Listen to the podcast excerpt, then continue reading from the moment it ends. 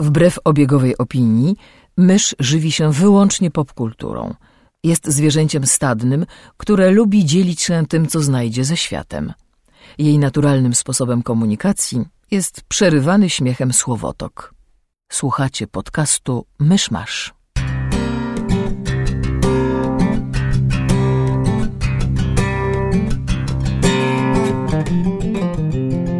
Drodzy słuchacze, jest poniedziałek, 23 grudnia 2019 roku, 86. urodziny byłego cesarza Akihito. Byłego, ponieważ e, cesarz Akihito przeszedł na emeryturę w tym roku, abdykował był, teraz odbiera telefony. Kamil, nagrywamy te podcasty prawie od e, 7 lat.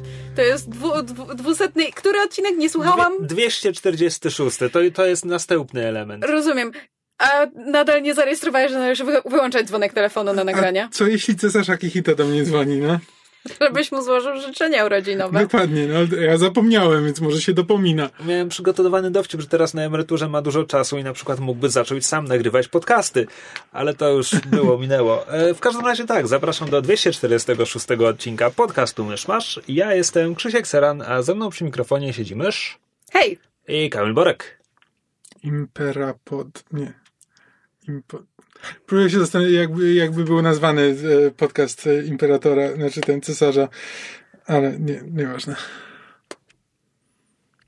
Tak, w związku z Teraz tym będę się nad tym zastanawiał, dzięki. nie po to się tu zebraliśmy. Zebraliśmy się tu po to, żeby bardzo dogłębnie omówić serial Wiedźmin Netflixa. Nipod?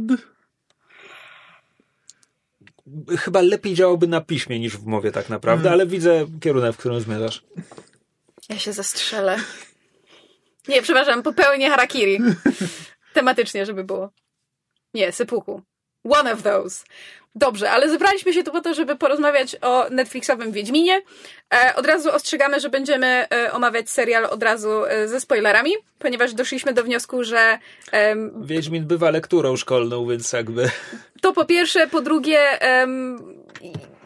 no, jeżeli podchodzicie do, do tego e, serialu entuzjastycznie, to prawdopodobnie już go widzieliście, albo zaraz w święta będziecie go oglądać z rodziną, więc e, możecie ten e, od, odcinek sobie zostawić do odsłuchania na później. A serial jest jakby, jeśli chodzi o literę opowiadań, jest im bardzo wierny, więc tam jest parę odstępstw, które ewentualnie zaspoilerujemy znającym opowiadania, a nie znającym serial. Znowu, no, o niektórych rzeczach trudno mówić bez spoilerów i pod wieloma względami ten serial taki jest. Tak jest. Więc niniejszym zaczynamy. Ogólne wrażenia. Ogólne wrażenia, podobało mi się. Ogólnie to mi się podobało. E, Wydaje mi, znaczy, wydaje mi się, moim zdaniem casting jest znakomity. Znaczy, pierwszy plan jest bezbłędny. Bezbłędny. E, Drugi plan em, hit or miss. Znaczy, szczerze mówiąc, ja nie mam problemu. Dziwi mnie Kahir, ale nie, op- nie casting, a to, co w ogóle zrobili z tą postacią. Tak, znaczy y, y, ja się zorientowałam, że e, Kahir e, wizualnie, bo co do em, pomysłu na Wizualnie niego ten człowiek mógłby w Star Treku grać kosmitę bez charakteryzacji dodatkowej. jest. Znaczy, ja się z jest. tobą zgadzam co do jego roli w serialu, do tego przejdziemy za moment, natomiast wizualnie po raz pierwszy ym, znalazłam się w takiej sytuacji, w jakiej są na przykład niektórzy ludzie, którzy nie rozumieją, czemu em, niektórzy e, atrakcyjnym e, widzą takiego na przykład Benedicta Cumberbatcha albo Adama Drivera, którzy dla mnie są fenomenalnie przystojni, a patrzę na tego Kahira, czytam, że och, jaki on jest piękny, a jak pięknie na premierze wyglądał, ja mam takie ten człowiek jest przezroczysty, jakby nie istnieje dla mnie w ogóle estetycznie. W każdym razie wracając do ogólnych wrażeń, więc casting uważam za, za bardzo dobry. Podoba mi się muzyka. Super. Um, podobają mi się sceny akcji. E, Jakby walki Sceny na miecze są są, bardzo ładne. Jak, najlepsze jest w pierwszym odcinku. Tak. To prawda. E, może nie tradycyjnie Netflixowo, bo tam w Daredevilu zostawili to sobie chyba na piąty odcinek czy coś takiego, a tutaj od razu dali najlepszą i potem już tak jakby nic jej nie dorównuje, ale wciąż jest ładnie. Um, fabularnie podoba mi się ogólnie podoba mi się konstrukcja tego serialu, to jak wymieszano opowiadania, próbując im nadać nie to nie jest tak, że one mają ciągłość e, narracyjną, ale po prostu zostały wpisane w pewien rozwój postaci i wątków. I też budowania świata. I budowania świata, tak. I, I to mi się podoba. Natomiast jak już się przyglądać konkretnie pojedynczym odcinkom, to uważam, że niektóre opowiadania zostały potraktowane strasznie po łebkach, gdzie zachowano najważniejsze wydarzenia, ale jakby wykarczowano wszystkie inne i teraz tak trochę zostajesz, no, no pobili się. Czemu się pobili? Tak, i to też prowadzi do, do tego, że niektóre em, opowiadania jakby właśnie bierze się fabułę i na przykład jeden główny motyw, ale przez to, że, że pewne rzeczy są wycinane albo skupia się tylko na jednym, to pewne, pewne subtelności, pewna głębia niektórych tekstów, czy e, jakby taka zabawa gatunkiem i formą, w którą Sapkowski się bawił, to, to, to niestety ginie. Ale jakby ja pewne decyzje rozumiem, a pewne są dla mnie niezrozumiałe. E, Pytanie, ty się orientujesz, czy Lauren Hisrich napisała sama cały ten serial, czy Nie. miała scenarzystów? Miała, pomoc? miała Writer's Room. No w każdym razie widać, widać wyraźnie po tym serialu, że Loren przeczytała wszystkie Wiedźminy i scenarzystom też kazała przeczytać wszystkie Wiedźminy, bo to się, to się widzi nie tylko po drobnych nawiązaniach, bo pojawiają się jakby kwestie, które jakby spojrzeć na książki, to padają dopiero później, ale też w ukazaniu postaci i nawet w relacjach postaci, bo szczerze mówiąc, Geralt w tym serialu wychodzi z niego taki buc, który z niego tak naprawdę dopiero w sadze wychodzi, nie w opowiadaniach. Mm. E, Co moim zdaniem jest zamierzone właśnie dlatego, żeby potem w późniejszych sezonach nie było takie, ale skąd to się wzięło? Ja go kiedyś lubiłem, czemu on jest teraz takim bucem? Tu po prostu siedzi w nim ten buc cały czas. Ma Tak. to sens. E, ale tego typu przywiązanie uwagi do, do detali widać też w jakby rzeczach takich jak, nie wiem, scenografia, rekwizyty, kostiumy. Pewne rzeczy są zmienione kompletnie, niektóre decyzje są jakby przemyślane, niektóre mniej. E, Ale widać, widać te, te poświęcenie uwagi i to, że czytali, e, czy, czytali te książki. Natomiast pewne większe decyzje związane z niektórymi bohaterami i z budowaniem świata są. Nie chcę użyć słowa kuriozalne, natomiast zastanawiam się, czy twórcy wiedzą, co robią na dłuższą metę, dlatego że pewne, pewne, pewne rzeczy em, będą procentowały, znaczy będą miały szansę zaprocentować w kolejnych sezonach, a niektóre niestety już w tym sezonie strzeliły im w stopę i to mocno. E, powiedzieliśmy, że odcinek będzie spoilerowy, ale, ale, strasznie słyszę, ale słyszę jak tańczysz, więc Kamil, jeszcze ty podziel się ogólnymi przemyśleniami i potem będziemy walić z grubej rury już. Tak. Czy, czy, czy nie mam tak głębokich przemyśleń na temat tego, na temat odstępstw, jakby, no bo ja nie, przede wszystkim nie znam sagi, więc... O e, właśnie, to, to może być dobry moment, żebyśmy też podzielili się ze słuchaczami naszym stosunkiem do literackiego pierwowzoru. E, Mysz fani, fanuje. Znaczy, ja się wychowałam na tych książkach, to jest mój Tolkien, to jest mój Harry. Potter, czytałam, tak, I Stan. E, Czytałam je od momentu, kiedy miałam 11 lat, przez kilka okresów, niemalże rok w rok w kółko opowiadania i sagę w tej we w te, więc I Stan very much. Em, Nie, nie, nie bezrefleksyjnie i bez jakichś tam uwag i krytyki, ale jakby Sapkowski to jest, to jest, to jest, to jest moja fantastyka, to Okej. jest całe moje życie. Ja bardzo lubię opowiadania i wielokrotnie do nich wracałem, aczkolwiek kiedy ostatni raz do nich wróciłem, to już tak miałem na zasadzie, kurczę, nie podobały mi się tak bardzo, jak podobały mi się naście lat temu, a tych, których nie lubiłem naście lat temu, nie lubię wciąż. E, Sagę przeczytałem tylko raz w głębokim gimnazjum. E, uważ- już wtedy uważałem, że z tomu na tom jest coraz gorzej. Nigdy nie miałem ochoty do niej wrócić. A teraz przesłuchawszy e, cykl czytu czytu o Wiedźminie, dokładnie sobie przypomniałem, czemu tak jest i czemu nie zamierzam do niej wracać. No to jak się już powiedziało, nie znam sagi, nie czytałem nigdy. E, Czytałem ostatnie życzenie wielokrotnie, bo parokrotnie zaczynałem e, Wiedźmina i zazwyczaj ostatnie życzenie kończyłem, e, zaczynałem mieć przeznaczenia, e, ale chyba tylko raz dotarłem do, do jego końca. Jednego z dwóch, jak wiemy. E, e, I w- więc Ostrze, ale Czekaj, nieważne. jeśli miecz ma dwa końce, to kowal coś tu mocno... Właśnie tak, na zasadzie mm, well actually. Uh, fair enough. I deserve this. Uh, Wiesz, e, ja to robię po to, żeby w komentarzach ktoś ci nie wytknął. Ja to No robię z tak, tak. miłości. e, więc tak, Znam trochę, znam trochę Wiedźmina, tak tylko, że znam tego Wiedźmina z, z ostatniego życzenia, jakby też wiem, że to się, to się zmieniało na przestrzeni, na przestrzeni lat. E, jakby zarówno to, o czym, o czym jest sama historia, jak i same postaci i, i podejście do nich, więc tak nie, nie jestem w stanie na przykład tego, jakby, jak mi mówisz, że tutaj Geralt jest bardziej przypomina tego z sagi niż tego z opowiadań, to, to nie jest coś, co, e, co jest mi znajome, a też z drugiej strony wcale, wcale nie miałem wrażenia, że Geralt z opowiadań jest czy nie wiem, co dokładnie masz na myśli, mówiąc, że jest bucowaty. Przede, przede wszystkim mam na myśli jego relację z Jaskrem. A, okej. Okay. No tak, dobra, to, to w opowiadaniach tego nie ma. Nie, tylko, że wiesz, tak, na przykład, no jak chcę, wiesz, pamiętam, że za każdym razem jak czytam, znaczy nie za każdym razem, ale jak, ostatni, jak ostatnim razem przynajmniej czytałem, zacząłem czytać e, Ostatnie Życzenie, to jakby to w, w, pierwszym opowiadaniu, jak Geralt przychodzi do miasta i po prostu zabija paru wieśniaków po to, żeby zwrócić na siebie uwagę e, wójta, e, to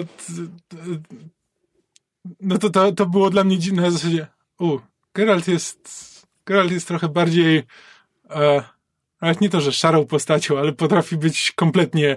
E... Wiesz co, no to... na, najpierwsze opowiadanie Właśnie. worldbuildingowo i charakterolo, charakterologicznie, tak. potem jest trochę olane tak, przez wiem, autora. wiem, ale właśnie, ale zawsze mam takie na zasadzie, zawsze zapominam, jak bardzo to się, jak bardzo to się zmieniło, jakby, jakby ta wizja Geralta, który miał być po prostu kompletnym zabijaką, się potem zmieniła e, w różne strony. No tak. Podoba mi się, jak wszyscy jednogłośnie po prostu pomijamy milczeniem Sezon Bush i udajemy, że go nie ma. Taki zabawny fanfic. Zabawny?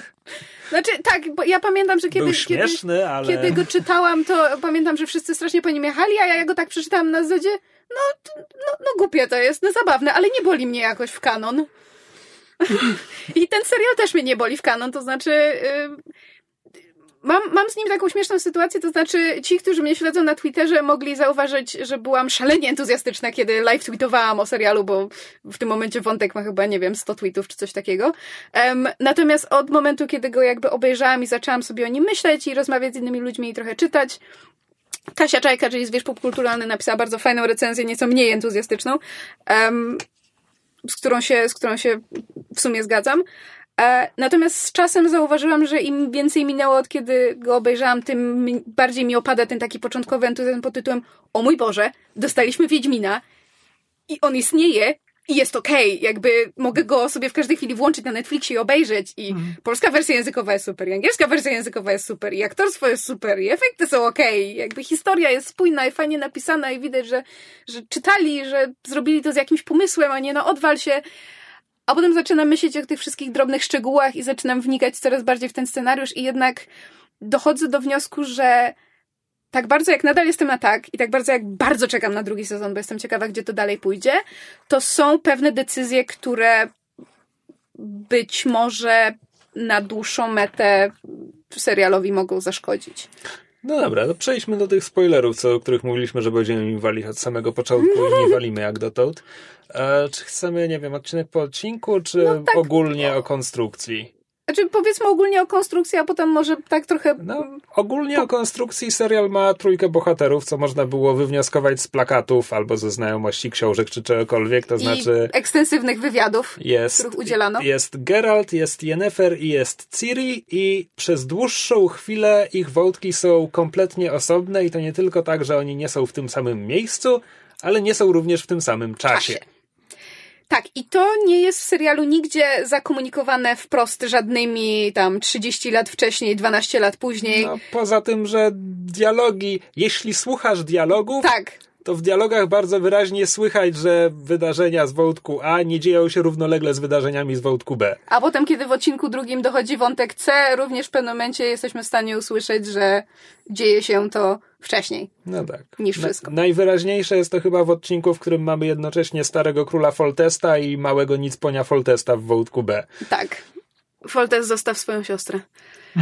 Zresztą, skoro już jesteśmy przy Folteście, to ja muszę wspomnieć, że tym, co mnie najbardziej bawi, jest to, jak jednogłośnie praktycznie wszyscy, którzy znają książki, nie cierpią tego, co zrobiono z Foltestem w serialu. Co jest dla mnie fascynujące. Bo Foltest e, w książce jest jakby władcą szalenie inteligentnym, elokwentnym, ma kilka absolutnie fantastycznych rozmów e, z, z, Geraltem. Mhm. I jakby jasne, jest e, em, królem, który, e, że tak powiem, spłodził nieślubne dziecko z własną siostrą, co można trochę jakby moralnie zakwestionować, ale jest, Bo nie jest postacią... ślub, jakby było ślubne, to wszystko byłoby w porządku. Oczywiście, no w tamtych czasach, w tamtych realiach, błagam cię.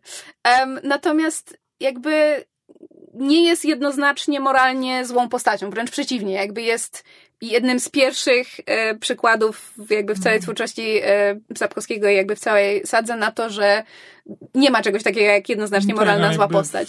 Nie jest, jest zepsuty, ale zdaje sobie z tego sprawę, że jakby zdaje Tak. sobie sprawę z tego, co jest z nim nie tak. I też z E. tego co wiem, Foltest odgrywa dość znaczną rolę w grach, więc jakby fani zarówno książek, jak i gier. Powiedziałbym, że występuje w grach. W każdym razie ja mówię to na podstawie tego, co przeczytałam w internecie, bo ja z gier grałam tylko w, w pierwszego Wiedźmina, bo z, na dwójkę jestem obrażona. Na Foltest ginie w czołówce dwójki. A rozumiem.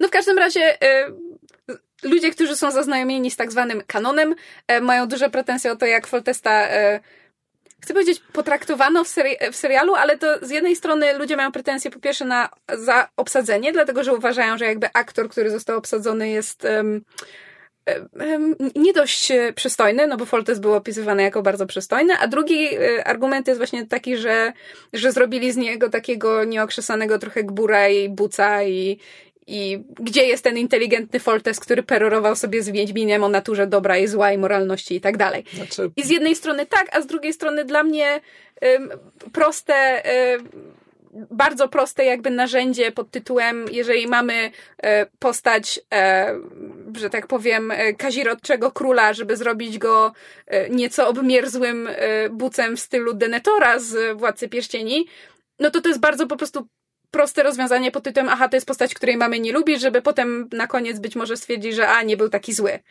Więc jakby tylko po prostu bawi mnie ten zupełnie jakby jednolity, zgodny oburz na ten jeden, na tę jedną decyzję. okej, ja nie mam żadnych problemów z tym full testem. Ja też nie. Znaczy, miałam, No to nie jest jednolity obóz. ale w sensie jakby, wiesz, e, w internecie. E, the masses. Chodzimy po innych internetach. Bardzo możliwe. Na pewno. E, dobrze, ale wróćmy do tego pierwszego odcinka, bo on jest dość ciekawy, e, dlatego że znowu zależnie od e, opinii, kogo spytasz, to jest albo ok, albo jest e, kiepski. E, natomiast pierwszy odcinek skupia się na jednym z e, dyskusyjnie najlepszych opowiadań w, w obu tomach, to znaczy Mniejsze Zło. I jest to opowiadanie, które nam przedstawia Geralta, jest to opowiadanie, w którym spotyka e, Renfri, Renfri, która jakby wywiera na niego bardzo duży wpływ. No ale trudno, trudno nie zauważyć, że to opowiadanie zostało mocno uproszczone i sprowadzone do, do takich najbardziej podstawowych elementów. I tak naprawdę sprowadzili je do trzech, czterech scen po prostu. Tak, e, po to, żeby e, Mieć miejsce na Cintrę. tak, mieć, mieć miejsce na Cintrę i na Ciri. No, Ja bardzo doceniam miejsce na Cintrę, bardzo doceniam to, że poświęcono czas Kalante i Aistowi. W ogóle się nie spodziewałem, że Aist będzie postacią, którą Prawda? zapamiętam w tym serialu. Zresztą W ogóle Ace- Ace jest tak bardzo, cudowny. Bardzo fajną postacią. Znaczy w ogóle w- Relationship goals. w zasadzie, he, kojarzę, że on był w, w, w, e, w opowiadaniu, ale w ogóle nie był postacią, a tutaj, tutaj od razu jakiś taki miałem rozumiem, rozumiem te relacje, rozumiem relacje jakby Kalante i Ejsta i w dodatku zgrywam się z tym, co z- jakby znam z opowiadania, jakby e, tak, tak, bym, tak bym to widział. No więc, więc ich wątek jest jakby bardzo fajny, nawet jeśli jest no bardzo szybki, no bo poznajemy Eista, lubimy Eista, o cześć Eist, miło było cię widzieć. Tak. A, a z drugiej strony wątek Geralta jest, jest mniejsze zło, w którym tak naprawdę sam, sama kwestia wyboru mniejszego zła jest, no jest w tym odcinku. Jest powiedziane, że jest, więc jest, ale nie bardzo jest to przeciąganie, przeciąganie e, liny między Strogoborem i Renfri lin, liną jest Geralt. E, I zabrakło również, i to jest już to jest już coś, coś, co autentycznie moim zdaniem jest wadą tego odcinka. Bo zabrakło ultimatum Renfrey. Mhm. Jej pachołkowie mówią, i to jest ultimatum, tylko że tu nie ma ultimatum. No, ale też, też brakuje e, Stregobora, który jakby... że- No jest Stregobor, który mówi zabij ją dla mnie Wiedźminie, Wiedźmin mówi nie. No tak, tylko że jakby w kwestią tego ultimatum było, że jeszcze Stregobor powiedział na zasadzie okej, to zabijcie ich No tak, wszystkich. tak. E, czego tutaj jakby nie ma, więc jakby mamy... No, no, ale właśnie Znaczy, dlatego mówię, że kiedy jest- nie ma ultimatum, no to już Znaczy- też S- Stregobor nie ma na co zareagować. Jeśli ja dobrze rozumiem konstrukcję tego odcinka, a widziałam go godzinę temu po raz drugi, żeby sobie obejrzeć z polskim dubbingiem, który jest bardzo fajny. W ogóle polski dubbing jest super. Jest, jest to sprowadzone do tego, że Renfrey zaciągnęła Marilkę Tak, pod wieżę jest to sprowadzone do Marilki. tylko że Geralt o tym nie wie. Geralt nie wie, że ktokolwiek postronny jest Mhm. w niebezpieczeństwie. Znaczy po prostu on wie, że Renfrey... Znaczy wstaje rano i po tym jak przez, I mówi- przespali się... Targ. Tak, i mówi nam targ albo jarmark, zależnie od tłumaczenia. E, I...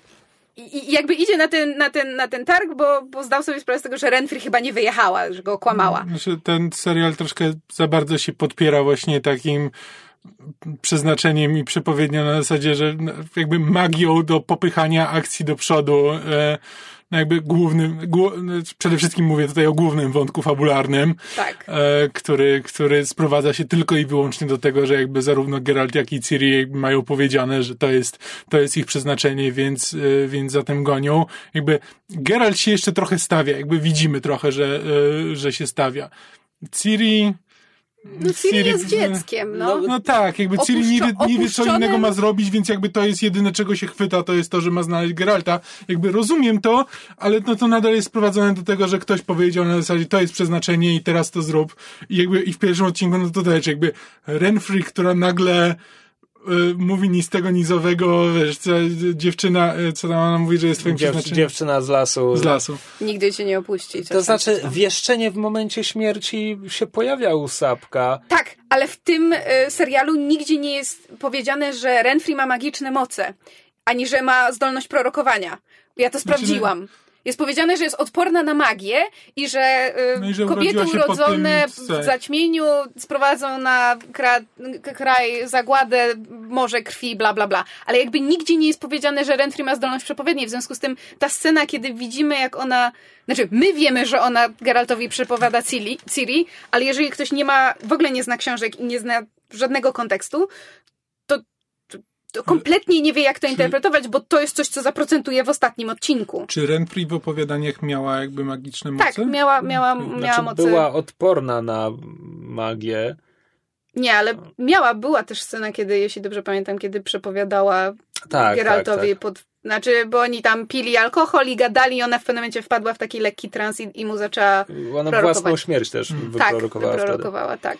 Więc jakby w książce to było, natomiast No, serial to potraktował bardzo... Znikąd, nie wiem, tak tak, na zasadzie, co? Jakby, i, jakby, i Cały- cały czas się spodziewałem, że okej, to czy to znaczy, że Renfrey wróci i my się dowiemy, skąd ona to wie, czy nie? Jakby to, to, to autentycznie wywołało u mnie konfuzję na zasadzie, czy to jest po prostu, że to się po prostu bierze tak znikąd, że myślałem, że może to jest po prostu jakoś y, podprowadzony jakiś wątek y, Renfrey, który jeszcze wróci, szczególnie biorąc pod uwagę zaburzoną chronologię tego serialu, więc to, No tak, ale nie. Znaczy, ja ogólnie uważam, że pierwszy odcinek jest chyba najsłabszy właśnie dlatego, właśnie dlatego, że Wołtek Wiedźmina tam Czy dla mnie siódme nie i wygrał. są najsłabsze. Pierwszy jeszcze jako wprowadzenie funkcjonuje. W sensie widzę, widzę pomysły, widzę to, jak przepletli e, wątki Geralta i Ciri, widzę jakby ile wysiłku włożyli w to, żeby, żebyśmy jakąś więź z Ciri, z Kalante i z Cintrą poczuli, kiedy, kiedy potem to wszystko, em, że tak powiem, obraca się w perzynę i kiedy potem do tego wracamy w czwartym odcinku, żeby to nie było obce miejsce. Natomiast nie jestem pewna, czy tylko jakby ten drobny fragment z Ciri, który dostajemy, czy to jest wystarczająco dużo, żeby ludziom, którzy znowu nie znają książek, nie mają żadnej więzi z tymi postaciami, rzeczywiście się na tyle przywiązali, żeby potem śmierć Kalantej i, i rzeź Cintry w ogóle, w ogóle ich ruszyła. Dodatkowa kwestia jest taka, że bitwa, która jest pokazana przed rzezią Cintry, w której Kalante bierze udział i w której ginie Ace, to nie jest coś z książek, jakby pomijam jakim debilizmem jest wyprowadzanie wojsk z warownego zamku, w którym można się było obwarować, ale No To jest też głupie- Tylko, że serialowa Sintra mm, nie jest po prostu... Znaczy, tam jest też całe miasto i ci wszyscy mieszkańcy, No tak, a i, których się by się nie obroniło przed Nilfgaardem. ale to też jest powiedziane, się w zamku. powiedziane jakby w serialu, że no jakby ci goście, którzy są w zamku, to uda się ich w jakiś tam stopniu e, obronić, jeśli się nie przebiją przez drzwi, no ale jakby reszta musi sobie radzić sama. Do czego ja dążę? Dążę do tego, że mam wrażenie, że w pierwszym odcinku zaserwowano nam umownie imponującą scenę walki, znaczy bitwy właściwie, bitwy dwóch armii, w momencie, kiedy tak naprawdę należało ten budżet przeznaczyć na bitwę pod Soden w e, finałowym odcinku. Bo tutaj ona nie spełnia żadnej naprawdę znaczącej funkcji, oprócz tego, żeby umf w pierwszym odcinku ci zrobić, o patrzcie, budżet, walka, e, dwie armie, królowie, tu śmierć, rzeź, wow, dzieje się. I dla mnie to jest zrozumiałe z punktu widzenia, hej, przyciągnijmy ludzi do serialu, pokażmy, że, że jest na co czekać, że zróbmy na nich wrażenie, ale z punktu widzenia tego, co ostatecznie dostajemy w siódmym i ósmym odcinku, jakby moim zdaniem ten budżet można było lepiej przeznaczyć. Okej. Natomiast bardzo mi się też aktorsko Renfrey podobała i jakby interakcje między nimi były super. A walkę, walkę Geralta w pierwszym odcinku obejrzałam chyba 17 razy. Za każdym razem jak się kończyła, to przewijałam i oglądałam od początku. To, że Henry Cavill sam, sam wykonuje wszystkie swoje em, ten walki i, i wszystkie kaskaderskie rzeczy bardzo, bardzo mi imponuje. Odcinek drugi. Kiedy dołącza do nas Yennefer. Tak, znaczy no, nominalnie głównym wątkiem jest skraniec świata i Geralt i Jaskier. Um, znaczy Geralt i Jaskier owszem, natomiast Kraniec Świata jest chyba najbardziej po macoszemu potraktowanym opowiadaniem. No, To znaczy- Umownie. Znaczy jeszcze może e, granica możliwości jeszcze jest trochę Znaczy, tak jest z tego, z tego odcinka nie bardzo wyciągnąłem ideę elfów w tym serialu. Jakby, Znaczy inaczej. W, moje rozumienie jest takie, że wykorzystano najbardziej is, znaczy nawet nie istotne, ale konieczne elementy z krańca świata, żeby móc widzom, którzy znowu nie znają książek, nie mają kontekstu, przedstawić konflikt elfów, to jak one są traktowane w kontekście świata i dlaczego w ogóle mm, jakby są traktowane, em, jest przeciwko Znaczy, nim, tak, jest jakby, są prześladowane. Jest, jest jakby jest cała historia, historia jakby konfliktu elfów z ludźmi przedstawiona w tym wszystkim, ale jakoś tak nie wiem, może to jest, może to jest jakby osobnicze, ale jakieś takie miałem wrażenie, że zupełnie nie mam poczucia, kim są elfy jako lud w tym momencie. Mhm. E, I jakby mówią o tej swojej historii, ale nie, nie miałem zupełnie jakby poczucia, że wiem, jak oni się do tej historii odnoszą w tym momencie. E, I jakby, wiesz, no jest tam, jest tam ta, e, nie wiem jak się nazywa tam postać, ale ta, ta elfka, która... Turuwiel, Toruwiel, tak, Toruwiel, no, która też jakby w... Co? Toruwiel? Elfka, Toruwiel. Toruwiel. To jak się nazywał ten... E, Filawandrel. Ze srebrny Nie, wiesz. Tork. Tork, Diabeł Tak, Sylwan, Tork. tak. Okej, nie wiem czemu to mi się wydawało, że diabeł się nazywa Toruwiel. Um, Nie, ale zbliżone imiona. No w każdym razie tak, że, że no, ona, jest, ona jest taka zadziorna i na zasadzie by wszystkich, by wszystkich wybiła. E, Filawandrel jest trochę bardziej wyważony, e, ale, ale mówię, ale to jest bardziej bardziej ich charaktery miałem wrażenie niż e, cokolwiek, co mi powiedziało o tym, co, co, teraz, co teraz robią elfy i jakie... Prawda jest taka, że w oryginalnym opowiadaniu też wcale, ono Być też może. wcale jakoś dużo o elfach nie mówi. Ono, bo ono jest takie... Elfy tam się pojawiają jako twist w ostatniej jednej trzeciej i Znaczy, Znaczy, ono dla jest- mnie zawsze było bardzo. Nie chcę powiedzieć dziwne w kontekście e, obu tomów opowiadań, ale jakby najbardziej tak odstawało od reszty, bo. Bo było takie bardzo umownej, folkowej, takie baśniowe, ale nie w tym sensie tak jak Sapkowski się bawił w retellingi baśni, jakby um, subwersję niektórych tropów, ale takie Właśnie nie wiem, takie ba- bardzo folklor- folklorystyczne. nie Znaczy, wiem, ja tam jest- nigdy go tak nie, nie odbierałem. Znaczy tam miałem trochę więcej jakby poczucia, że w, y, ze strony Torka się trochę więcej jakby właśnie dowiadujemy y, jakby tego, jak on traktuje elfy, że on im jakby pomagał, trochę w, w, trochę też było y, mu ich żal i tak, takie miałem wrażenie, że jakby, że widzę to, że te elfy tak żyją żyją na, na, na krawędzi, że po prostu robią co mogą, żeby, żeby przetrwać, bo już nie mają nic swojego i właśnie uciekają się nawet do, nawet do takich rzeczy, żeby po prostu tam gdzieś podkradać. I jakby taki miałem, a tutaj, ponieważ ten tork jest tak wprowadzony na zasadzie, pojawia się na chwilę,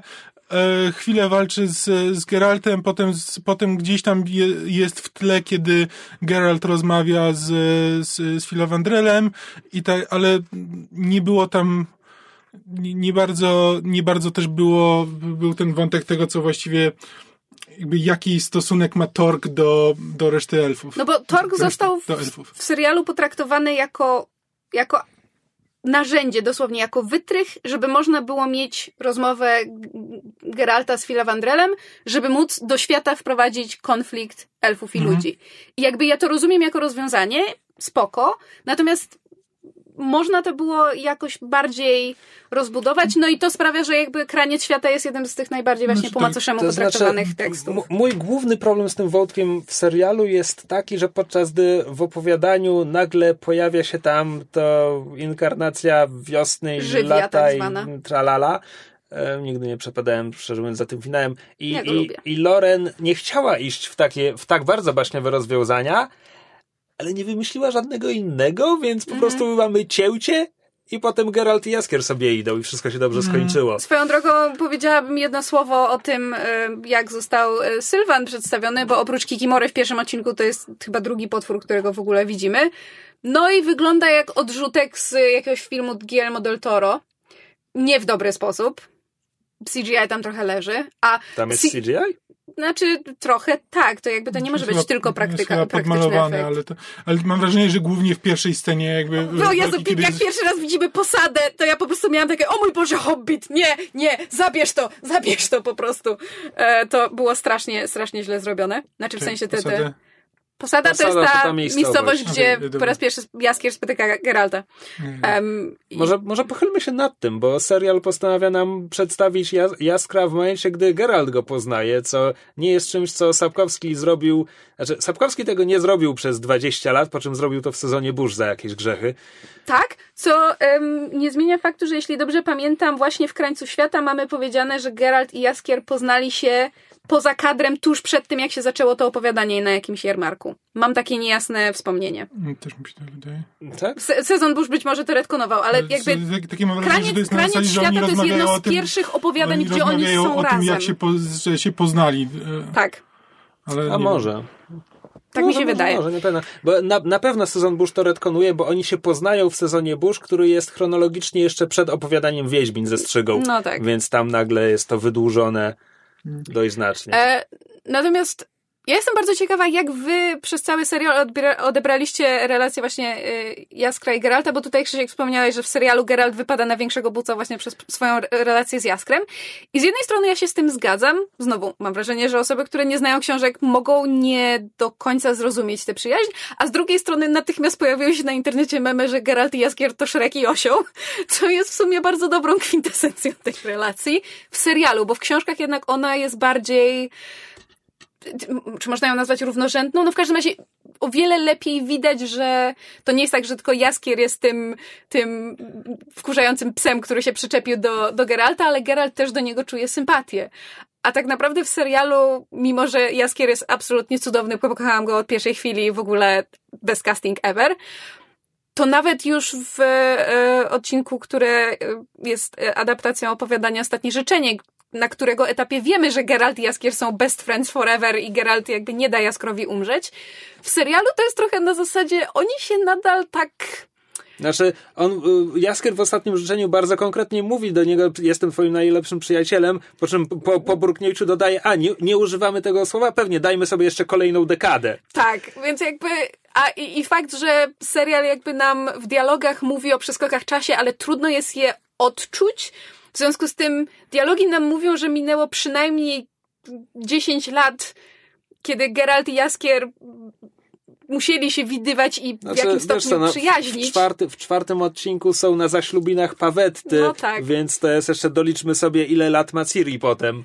Tak, więc jakby wibbly wobbly timey wimey, ale znają się od x lat, a serial, a serial, serialowy Geralt nam nadal wmawia, że nie, nie, ja nie mam przyjaciół. Fuck this guy. E, no tak, ale jednocześnie jakby widzimy, widzimy jak bardzo inaczej Jaskier traktuje Geralta od wszystkich innych mhm. ludzi, no i też Geralt jakby narzeka i, i burczy i w ogóle, ale, ale znosi jego towarzystwo Aha. cały ten czas.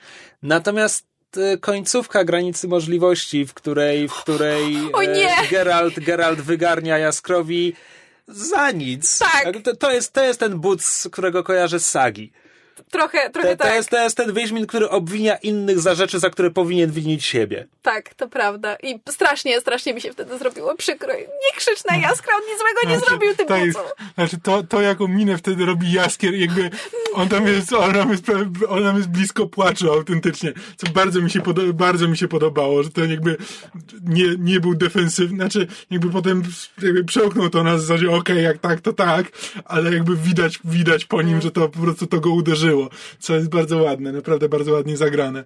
Natomiast a propos relacji Jaskra i Geralta, chciałabym wspomnieć o czymś, co, co też wydaje mi się Szkoda, że w, serialu tego nie zaznaczono lepiej. Jest ku temu sugestia, ale czy, czy jakby takie drobne przesłanki, mianowicie, że bardzo wiele z przygód e, Geralta z Jaskrem bierze się z tego, że oni próbowali zarobić na życie bo, bo głodowali, no i mieli problemy z zarobieniem, zarobieniem pieniędzy, czy to Jaskier śpiewając, czy Geralt zabijając potwory.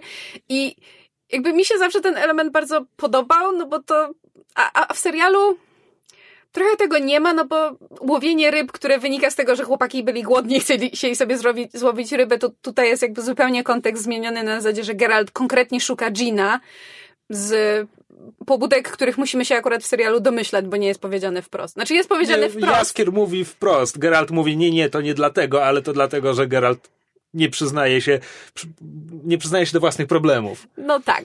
E... Przypomnijcie mi, czemu on tego szukał? Znaczy on twierdzi, że dlatego, że cierpi na bezsenność, a prawda jest taka, znaczy moja interpretacja jest taka, że on chce się pozbyć tego e, prawa niespodzianki. Aha, no, no zasadniczo Jaskier wprost stwierdza, że, że, że jakby kwestia prawa niespodzianki mu ciąży. Co konkretnie no. Geralt chce z tym zrobić, tego nie wiemy, bo Musiałem, Geralt burczy. Musiałem, ale, ale o to chodzi. No tak. No to sens. Swoją drogą, a propos Geralt burczy, czy wam, um, e, że tak powiem, czy was drażniła maniera Henry'ego Cavilla, czy nie? Nie, nie on był bardzo spoko. No właśnie, bo, bo dla mnie też ja to kupiłam od razu, a niektórzy mają, e, niektórych to drażni, niektórzy mają e, pretensje, że próbuje naśladować anglojęzycznego aktora, który w, w grach grał Geralta. Daga Hokla? Wątpię. No. Znaczy, znaczy, inaczej, Henry Cavill się wypowiadał, że jakby, ponieważ grał dużo w gry i się osłuchał, więc jakby pewne tego elementy tam są. Just saying. Znaczy, Ale... ja, głównie, ja głównie znam, w, z, znam to, z, znaczy postać Geralta z gier znam z Soul Calibura, znaczy tego angielskiego, bo jakby w gry grałem po polsku tylko, więc nie, nie jestem osłuchany z angielskim aktorem. Znaczy, ja też grałem Ale... w gry po polsku i dlatego Duck Cockle mi nigdy nie pasował, mm. bo, bo jego, jego Geralt brzmi dużo bardziej jak każdy inny bohater gry komputerowej. Tak, właśnie zupełnie mi to nie pasowało, natomiast, natomiast Cavill sobie radzi, bo jakby jest w tym jego odburkiwaniu e, dużo różnych tonów. Tak, e, to Tom Hardy's School of Grunting tak. z Mad Max Fury Road. E, znaczy, ja w ogóle, skoro jesteśmy przy Geralcie, e, ja wiem, że są ludzie, którzy mieli wątpliwości co do castingu, są ludzie, którym nadal to nie pasuje, są nadal ludzie, którzy twierdzą, że jest za ładny, ale Henry Cavill, e, hashtag mój Wiedźmin, bo po prostu wszystkie, wszystkie jego decyzje co do odegrania scen, grania głosem, pewnych drobnych manieryzmów, min, które robi, to jest po prostu dokładnie to, co w mojej głowie Geralt by zrobił i ja go kupuję z całym dobrodziejstwem inwentarza, jest cudowny. Natomiast a propos burczenia chciałabym dodać, że ponieważ obejrzałam całe po angielsku, a dzisiaj właśnie sobie włączyłam pierwszy odcinek po polsku. Um, moi drodzy, y, Żebrowski też strasznie burczy, y, zanim się trochę, że tak powiem, y, zanim się Geralt rozgada, bo koło trzeciego odcinka, kiedy on już zaczyna trochę więcej mówić, to, to Żebrowski, mam wrażenie, wprowadza więcej też niuansów do swojej gry. Obejrzałam sobie parę scen z, właśnie z późniejszych odcinków, takich emocjonalnych scen między nim a Yennefer i tam już Żebrowski bardzo ładnie gra, właśnie gra głosem, emocjami, barwą, więc jak, jak nie wiecie, którą wersję obejrzeć, czy polską, czy angielską, tak, Obie, tak. Ja, ja mam jedno pytanie e, związane też z ładnie zagranymi odburknięciami. E, czy e, pod koniec, o Boże, historia z Jerzem. E, Czwarty odcinek. Czwarty odcinek. Kwestia, kwestia ceny Kwestia opowiadania. ceny, właśnie, dziękuję. Czy pod koniec, ale nie, bo chodzi, mam pytanie konkretnie do opowiadania. Czy pod koniec kwestii ceny w opowiadaniu, kiedy Geralt jakby mówi, jakby powołuje się na prawo niespodzianki, że oddasz mi to, co ten, czy on w opowiadaniu, on, on to robi specjalnie, prawda? Tak. Tam, t- On to robi, żeby udowodnić coś, znaczy, żeby dopiec Kalantę i udowodnić jej, że to, że moje będzie na wierzchu. Nie, bo tutaj mi się podobało, znaczy to jest też kwestia tego, jakby jak jest poprowadzona jakby historia, że jakby Mhm. na tym etapie historii to jest jakby, widzimy tego Geralta, który nie wierzy w przeznaczenie, więc to jest takie na zasadzie, no, no dobra, oddaj mi to, o czym nie wiesz, bla, bla, bla, bla. Plus, plus timing tej sceny pod tytułem Destiny can go i potem Pawetta wymiotuje i potem jest tylko fuck. Właśnie, Jest... o, o, do, do tego, dlatego zacząłem od, że ładnie zagranego odburknięcia, bo to, ten fak jest najładniejszy z całego serialu. Tam jest parę ładnych faków, ale ten jest najpiękniejszy. E, Pragnę dodać, że specjalnie obejrzałam tę scenę z polskim dubbingiem e, i jest e, cu- cudownie, e, cudowna została podjęta e, decyzja reżysera, e, znaczy ten reżysera dubbingu, mianowicie e, Żebrowski te, ten tekst mówi nie pełnym głosem, tylko burczy pod nosem do siebie i to jest tak piękna decyzja aktorska po prostu. Nie, naprawdę, polski dubbing e, bardzo, bardzo chwalę. Może sobie obejrzeć. E, jeszcze wracając do relacji z Jaskrem, em, chciałbym, żeby w tym sezonie, znaczy inaczej, chciałbym, żeby w następnym sezonie, skoro w tym sezonie nie wyszło, żeby Jaskier się kiedyś na coś przydał, bo on jednak zostaje wtłoczony w ten, w ten trop e, sidekicka, comic relief, a jakby... Ale nawet w tropie sidekicka Comic Relief, zazwyczaj Comic Relief na koniec ma, e, ma jakiś jeden moment, w którym nawet jeśli nie robi czegoś, to staje się inspiracją do zrobienia czegoś, albo ma ten jeden poważny moment, w którym jakby, w, w którym motywuje jakby główną postać do zrobienia czegoś. Tutaj on jest tak No, a troszkę... tutaj on, on, Jaskier on jest tutaj po to, katalizatorem. żeby, żeby Geralt miał do kogo burczeć, żeby Zaciągnąć go żeby, na mówi, żeby mówić na głos to, czego Wiedźmin nie powie. No i tak, jest katalizatorem akcji w czwartym i piątym odcinku.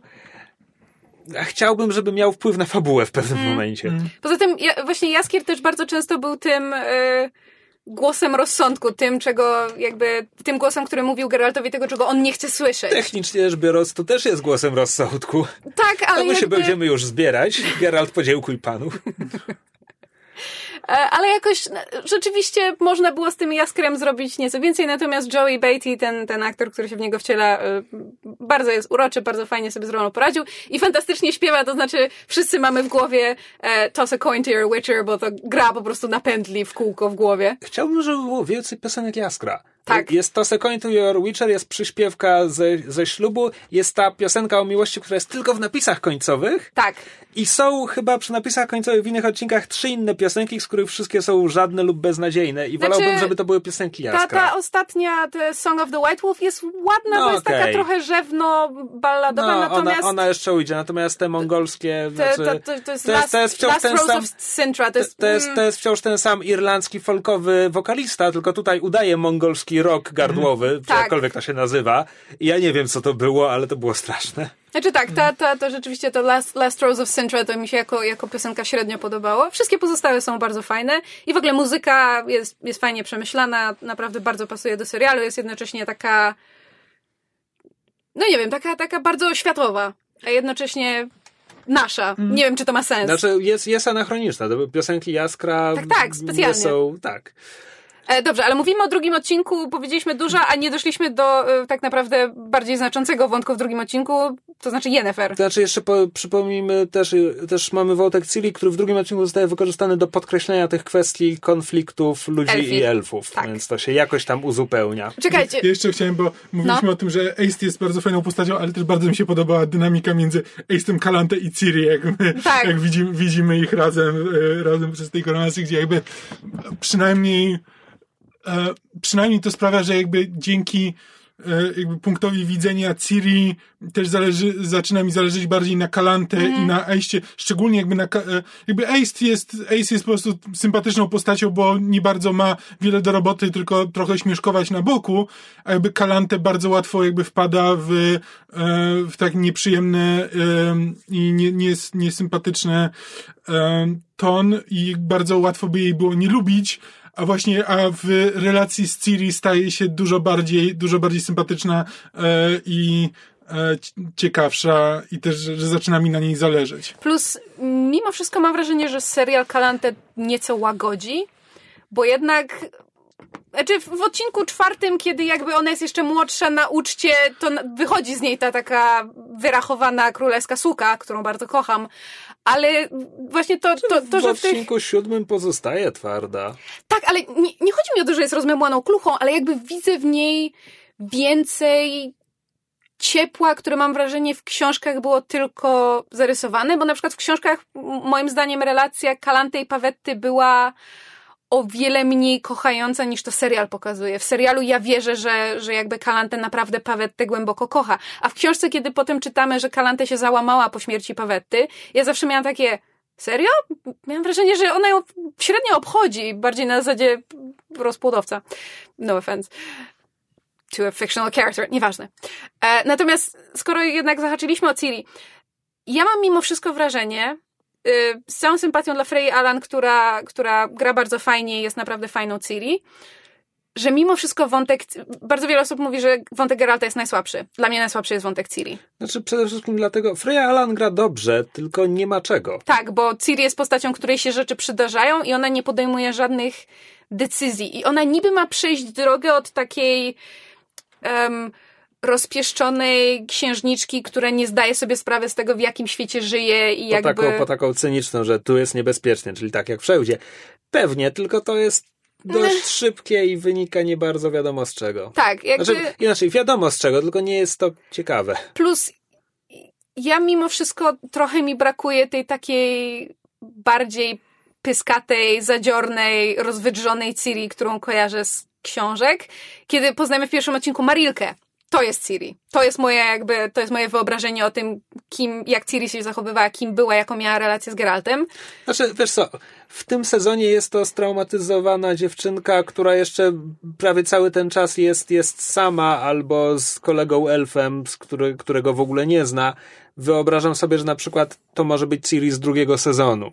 Mm. Jak się już przekona do Geralta. Tak. Bo to z kolei to przeskoczymy sobie do ósmego odcinka Musimy. nagle. Ale pominięcie, nie pamiętam tytułu, ale te, tego Miecz opowiadania, w którym Geralt ratuje małą Ciri Z w Brokilonie.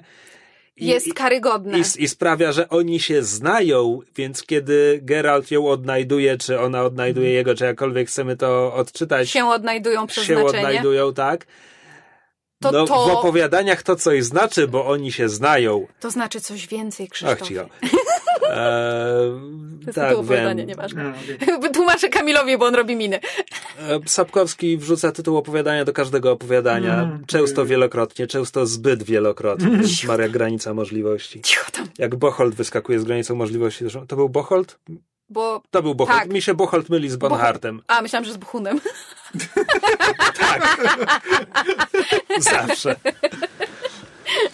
E, w każdym razie, e, też coś wie o granicach możliwości. no więc w opowiadaniach oni na siebie wpadli i się polubili i się znają. I, I on ma parę- potem wyrzuty sumienia, że nie przyjechał, znaczy, że, że przyjechał i że zmienił zdanie i ją porzucił, a ona potem zginęła umownie w rzezi Cintry, a potem oni się, on, i on tak chodzi i mu smutno, że jej nie uratował, a potem się magicznie odnajdują na zarzeczu i kiedy oni sobie padają w objęcia i ona się pyta Geralt, czy ja jestem twoim przeznaczeniem, a on mówi coś więcej, to ja się teraz poryczę.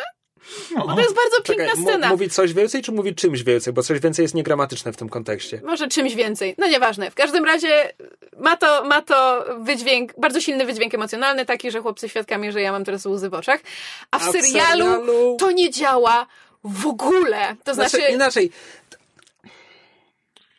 Wydaje mi się, że to nie miało zadziałać tak jak w opowiadaniach, bo tak, zadziałać tak jak w opowiadaniach nie może. nie może bez To, to działa raczej na zasadzie, magia. no ta, ta siła w końcu ich połączyła i co z tego będzie później? To ma być takie, na przyszłość. Tak, Tylko, że jakby zwłaszcza, że ona- kiedy oni padają sobie w ramiona, znaczy, to, można było przynajmniej to jakoś inaczej rozegrać, jakby, albo przynajmniej, żeby byli jakkolwiek Znaczy, to, że Ciri biegnie i wpada mu w ramiona, jest durne. Niech, Hmm. niechby pobiegła do niego, stanęła przed nim i na zasadzie, wiesz, zapyta się, czy to ty, czy ty jesteś Geralt z Rivii.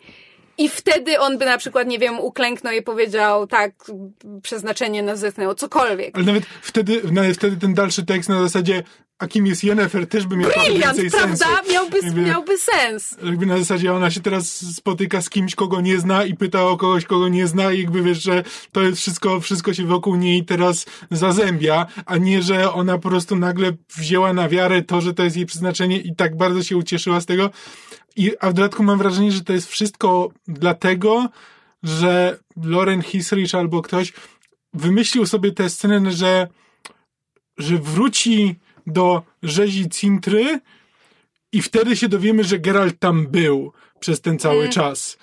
E, I że, i że chce to, e, chcą to tak poprowadzić. E, w związku z czym nie mogli, e, nie mogli powiedzieć, że Geralt jakby znał Ciri, bo wtedy im się już chronologia zaczyna, zaczyna psuć. E, Ale, ale mamy, że ją widział, więc wie, jak wygląda. Tak, e, t- tylko że właśnie to prowadzi potem do tego, że jakby, że mam wrażenie, że oni chcieli zrobić jakiś taki twist z tą chronologią, tak żeby mieć właśnie taki moment, w którym jakby ta chronologia się zazębia i się nagle orientujemy, że to wszystko, oni są w tym samym miejscu, w tym samym czasie, mimo że do tej pory widzieliśmy ich w różnych miejscach, w różnych e, liniach czasowych.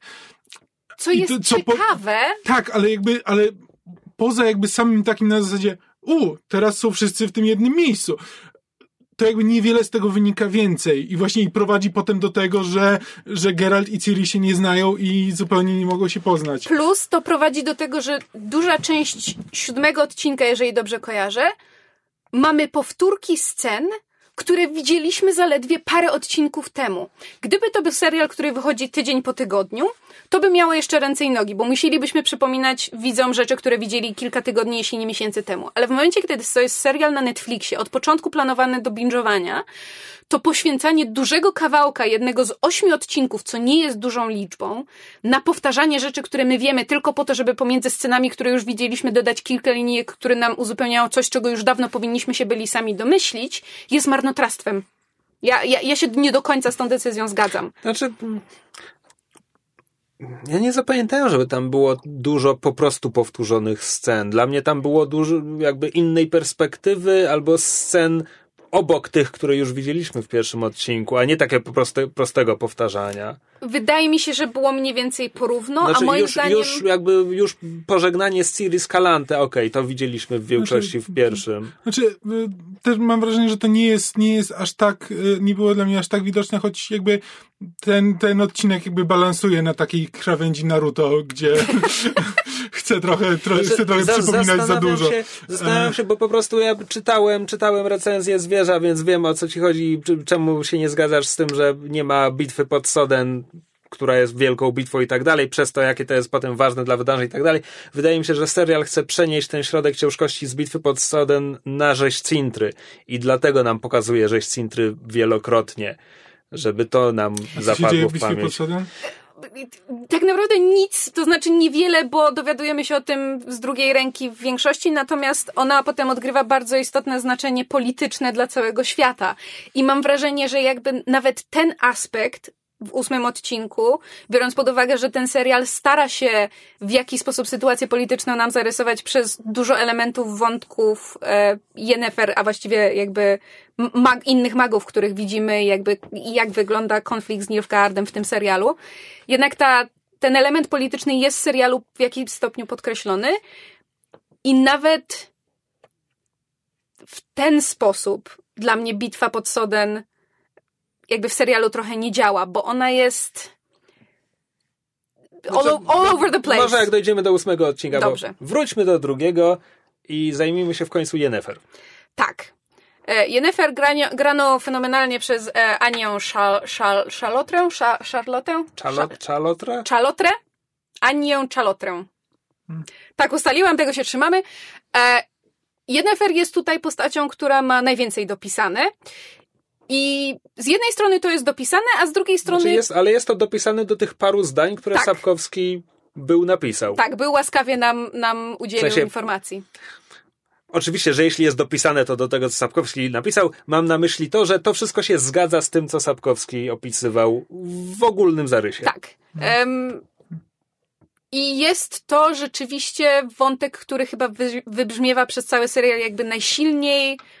Głównie dlatego, że Yennefer jest tu jedyną postacią, która przechodzi wyraźną przemianę. W sensie ona Tak. ma pełen charakter ark i to pokazany jeszcze od czasów młodości przez dziesięciolecia. No tak, bo ona chyba od wieku kilkunastu lat do przynajmniej 70 w ser, jakby w serialu, w fabule przechodzi z pewnymi przeskokami w czasie. I, I jakby dąży, dąży do e, potęgi, uzyskuje ją, ma Jest czas nią się nią rozczarować, tak. ma czas jakby Zmienić priorytety. tak i, i, i osiągnąć coś innego w finale. To jest absolutnie pełen, bogaty ark. Znaczy, to, to jest ewidentnie postać, którą jakby dla Lauren Hisrich była najciekawsza w tej historii.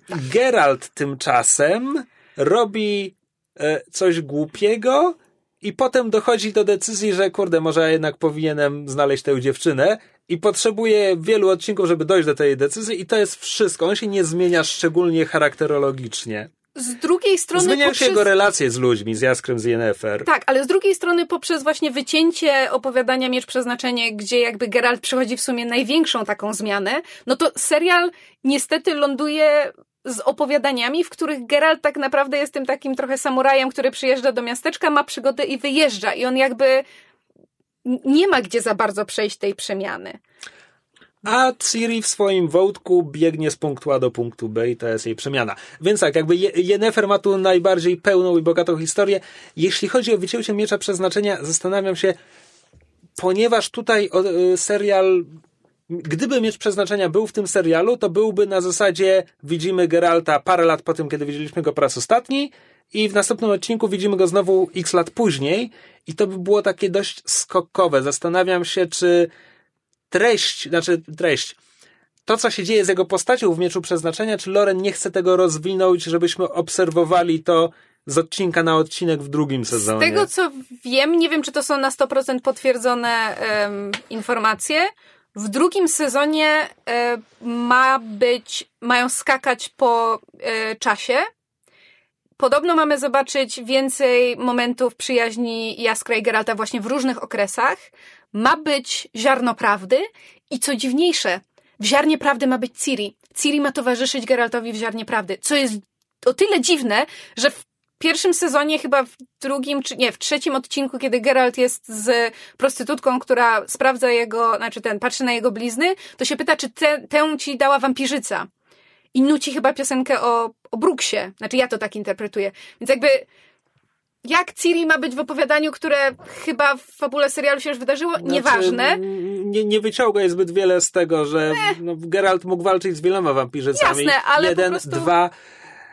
Loren jeszcze nie napisała drugiego sezonu? Znaczy, Zaczęła go pisać? Nie, mają, mają już, znaczy widziałam przed chwilą... y, Inaczej, to co mi właśnie powiedziałaś jest tak bardzo konkretne, że trudno mi uwierzyć, żeby to było czymś więcej niż jakąś teorią internetową. Być może, natomiast y, widziałam wywiad z y, kanału Jakby Nie Patrzeć z Tomkiem Bagińskim, który był nakręcony chyba w y, dzień em, premiery w Warszawie, czyli to był co, 18? Mhm. Gdzie Tomek Bagiński mówił, że mają już większość, jeżeli nie pełnych, to zarysów scenariuszy na drugi sezon i zaczynają kręcić na początku tego roku. Więc... Przyszłego roku. Znaczy tego roku, który teraz będzie, nowego. 2020, więc jakby coś już muszą mieć. Wciąż obstawiam Natomiast- raczej internetowe teorie. Ale natomiast zgadzam się z tobą, że, że drugi sezon prawdopodobnie będzie jakąś kondensacją pozostałych opowiadań. Wiesz, co bym bardzo chętnie zobaczyła? E, opowiadanie trochę poświęcenia, czyli to z Syrenką, gdzie Geraltowi Jaskrowi towarzyszy Ciri. Okej. Żeby zobaczyć jakby, no dalej, Tak, dwóch, ta, był- dwóch tatusiów i jedna córeczka, no to by było fantastyczne. Ja, ja byłbym bardzo ciekaw reakcji Ciri na ten cały wątek Geralta i Oczka, bo to jest jakaś Mm. padaka. No nie? E, tak, ale mówiliśmy o Ja, Yennefer. ja będę udawał, że wiem o co chodzi. Mój biedny mąż, tak bardzo nie w temacie. Em, Ba Bartka się tragicznie zakochuje w Geralcie i Geralt e, zgadza się w ramach poświęcenia, zgadza się z nią przespać, żeby już jej łaski. przeszło. Tak, z łaski. To Być brzmi, może- to brzmi jak coś z pierwszej gry. Być może jest to intencjonalnie e, wroga autorowi interpretacja tego tekstu, ale to wszystko tam jest. Tak, no to jest taki pity fuck, to się tak brzydko nazywa. E, Ale wróćmy, wróćmy do Yennefer. Em, m, bardzo mi się podoba, jak właśnie na podstawie drobnych elementów e, została backstory Yennefer rozszerzona. To znaczy, na przykład bardzo mi się podoba to, że w serialu zaznaczono, że ona jest tak zwaną kwa- kwarteronką, czyli że jest jedną W serialu nie jest powiedziane, że jej ojciec był pełnym elfem? półelfem. Jest powiedziane, że był Tak, półelfem. przed chwilą widziałam drugi odcinek po W polsku. serialu? więc- E, Ojciec był półelfem, tak, co nie, sprawia, że ona jest, ona jest jednej na- czwartej. Nawet, nawet w scenie z tą z Radą jest powiedziane, Tak. że ona jest w jednej czwartej W elfką. jednej czwartej, Więc okej. fakt, że to potem odgrywa znaczącą rolę w, e, jakby w, na scenie politycznej i em, jest związane z e, jakby z decyzją na temat przyszłości Yennefer jest bardzo fajnym rozwiązaniem. E, tak samo to, jak rozszerzono wątek Istreda jest bardzo fajne. To znaczy, ja mam pewne e, wątpliwości co do jakby zaangażowania czarodziejów z Banard w Aretuzie i tego, że oni się spotykają w wieży, e, wieży Lary, w wieży Mewy, bo to nie tak działa, ale już abstrahując. Natomiast to mnie o tyle z jednej strony cieszy, bo jakby ja Israda nigdy nie lubiłam w książkach, bo nie było... lodu jest tra- tak tragiczny, że Tak. cokolwiek z nim zrobią, będzie lepsze. Tak, więc jakby... e, Odcinek polskiego serialu na podstawie Okrucha Lodu był lepszy od Okrucha Lodu. to prawda? E, e, e, Nie zrozumiałem wielu słów, które powiedziałem. wiem, że, wiem, że, wiem, że były w serialu, wiem o co chodzi, ale jakby nie wiem czemu czarodzieje z Bonard nie mogli być w Mewa. Banard i Stret, czego tu nie rozumiesz? E, więc jakby w to nie wchodzę, ale rzeczywiście jakby Istred e, jakby w, w opowiadaniach to ja zawsze miałem takie na zasadzie, no mamy powiedziane, że, że to jest ktoś z przeszłości e, z przeszłości e, Yennefer, Ale to buc jest. ale tak, ale jest strasznym bucem mm, i jakby i to, to mi wyglądało na taki typowy po prostu okej, Geralt ma teraz rywala, ale i tak mamy kibicować Geraltowi, bo, bo Istred jest bucem, ale no, ale Yennefer coś do niego czuje i mamy powiedziane, że coś do niego czuje, bo mają wspólną przeszłość, o której nic nie wiemy. E, podczas gdy tutaj jakby autentycznie miałem takie wrażenie, możesz zostać z Istredem. Geralt ci nie jest potrzebny. No tak, bo jakby Istred jest tym, tym czarodziejem, który jakby no, zakochuje się. No, myślę, że można użyć takiego, takiego słowa, że zakochuje się w Yennefer przed jej przemianą, ma, ma, z, nią, ma z nią przeszłość. Ich relacja z jednej strony jest oparta na jakby byciu ze sobą szczerym, z drugiej strony na tym, że on w pewnym stopniu pomaga jej e, rozwinąć jej magię. Tam jest ten element manipulacji, gdzie jakby ich przełożeni ich nawzajem na siebie nasyłają. Jest, jest też e, dużo pretensji i, i naprawdę fajnie jest ten wątek rozegrany, ale powiedziałam, że z jednej strony mnie to cieszy, bo dzięki temu polubiłam Istreda, z drugiej strony mnie to martwi, bo to prawdopodobnie znaczy, że gdzieś dostaniemy okruch lodu, ale może w serialu to wyjdzie wreszcie, bo, bo mają właśnie tę podkładkę, że Istred ma z Yennefer e, cokolwiek burzliwą przeszłość. E, Czy ktoś mi może powiedzieć, czy postać e, Doppelgangera, czy Dopplera, czy jak on się tam nazywa w... e, Obie formy są poprawne. Okej, e, to jakby... Ona, Absolutna nowość. on, a, Znaczy inaczej, Znaczy, doppelgangery Był istnieją Doppler w w opowiadaniu. tak. Był to zupełnie inny Doppler. Nawet, nawet był chyba w... Nie, czekaj. Czy był w polskim serialu? Mm, Tak, tak był. jest, jest odcinek Tak. z Dudu. W pewnym momencie To jest zamienia się mały, kruka, tak, nie tak, pamiętam tak, nic tak. innego. Te, wspomniałam, że, że, że ten dwóch tatusiów wychowujących małą córkę. No więc w polskim serialu to jest autentycznie odcinek z Dudu wygląda tak, że to jest dwóch ojców wy, wychowujących młode dziecko. Wiemy, bo mamy z Kamilem w miarę na świeżo polski serial. Tak, To tak. jest Właśnie przydziwne, Chciałem to zapytać tutaj właśnie, czy to był ten... ten To nie był To Dudu. był ten mały. To nie był E, Dudu. Natomiast ja mam teorię, że Tak, Kto nie był Dudu? e, ten Doppler, którego widzimy w serialu Netflixa, to nie był Dudu. To dość zdecydowanie nie był Dudu. Ale moja teoria jest taka, że ten Doppler wróci. Ja to- się zastanawiam, czy, czy Ale to byłby, to byłby reimagining po prostu godny CW. Gdyby z Dudu zrobili To mógłby tego Dopplera. Doppler, który się potem podszywa pod szapela. No właśnie, czy, czy oni jakoś, jakoś nie, wp- nie wpletą tego Dopplera Netflixa w opowiadanie, em, o Boże, Okej. Wieczny Ogień, Dobra, tak? znów Wieczny się ogień. zgubiłem, więc przejdźmy do... Ale, w, ale... Ale- możemy powiedzieć o tym, że de- Doppler jest super. Tak, e, we stand and non-binary, they pronoun using Doppler. Slay Queen. Nie, po prostu, znaczy inaczej. Z jednej strony absolutnie jestem ogromną fanką tej postaci, a z drugiej strony jedyna nominalnie LGBTQ postać w tym serialu jest morderczym, narcystycznym zabójcą na zlecenie. No i, Tyci, tyci, tyci problem. Tyci problematik. e, przy czym ja nie wiem czemu, e, jak się po raz pierwszy pojawiła ta postać, e, to moja pierwsza myśl była na zasadzie, czy to jest Eastred w Whiteface'ie? Oni z jakiegoś powodu mają bardzo podobne twarze. E, Ja też, bo ten odcinek się, żeby było śmieszniej, zaczyna od tego, że dwa, dwa czarne ptaki siedzą na krokwie. Ja miałam takie, o, tu już widzimy okruch lodu i autentycznie przez moment myślałam, że to jest Istred, więc coś w tym jest. Um, tak, ale tu żeśmy przeskoczyli. Um, mam wrażenie, że należałoby powiedzieć słowo o dość e, obrazowej scenie em, Transformacji? transformacji Yennefer. no to tak? może po prostu powiedzieć o odcinku trzecim. E, strzyga jest bardzo fajnie zrobiona. Tak, Walka e, ze strzygą. buj, bujający się, e, bujająca się pępowina jest em, specyficznym Wisienka detalem, tak, ale to jest ta wisienka na tym obrzydliwym torcie, którą bardzo, bardzo doceniam. Em, Sparowanie walki ze strzygą z transformacją Yennefer podobało mi się. tak, to Dobry jest wybór. e, bardzo, bardzo ładne i e, pięknie się wpasowuje, jeżeli ktoś kojarzy taką koncepcję jak Monstrous Feminine, to tam bardzo ładnie się wpasowuje.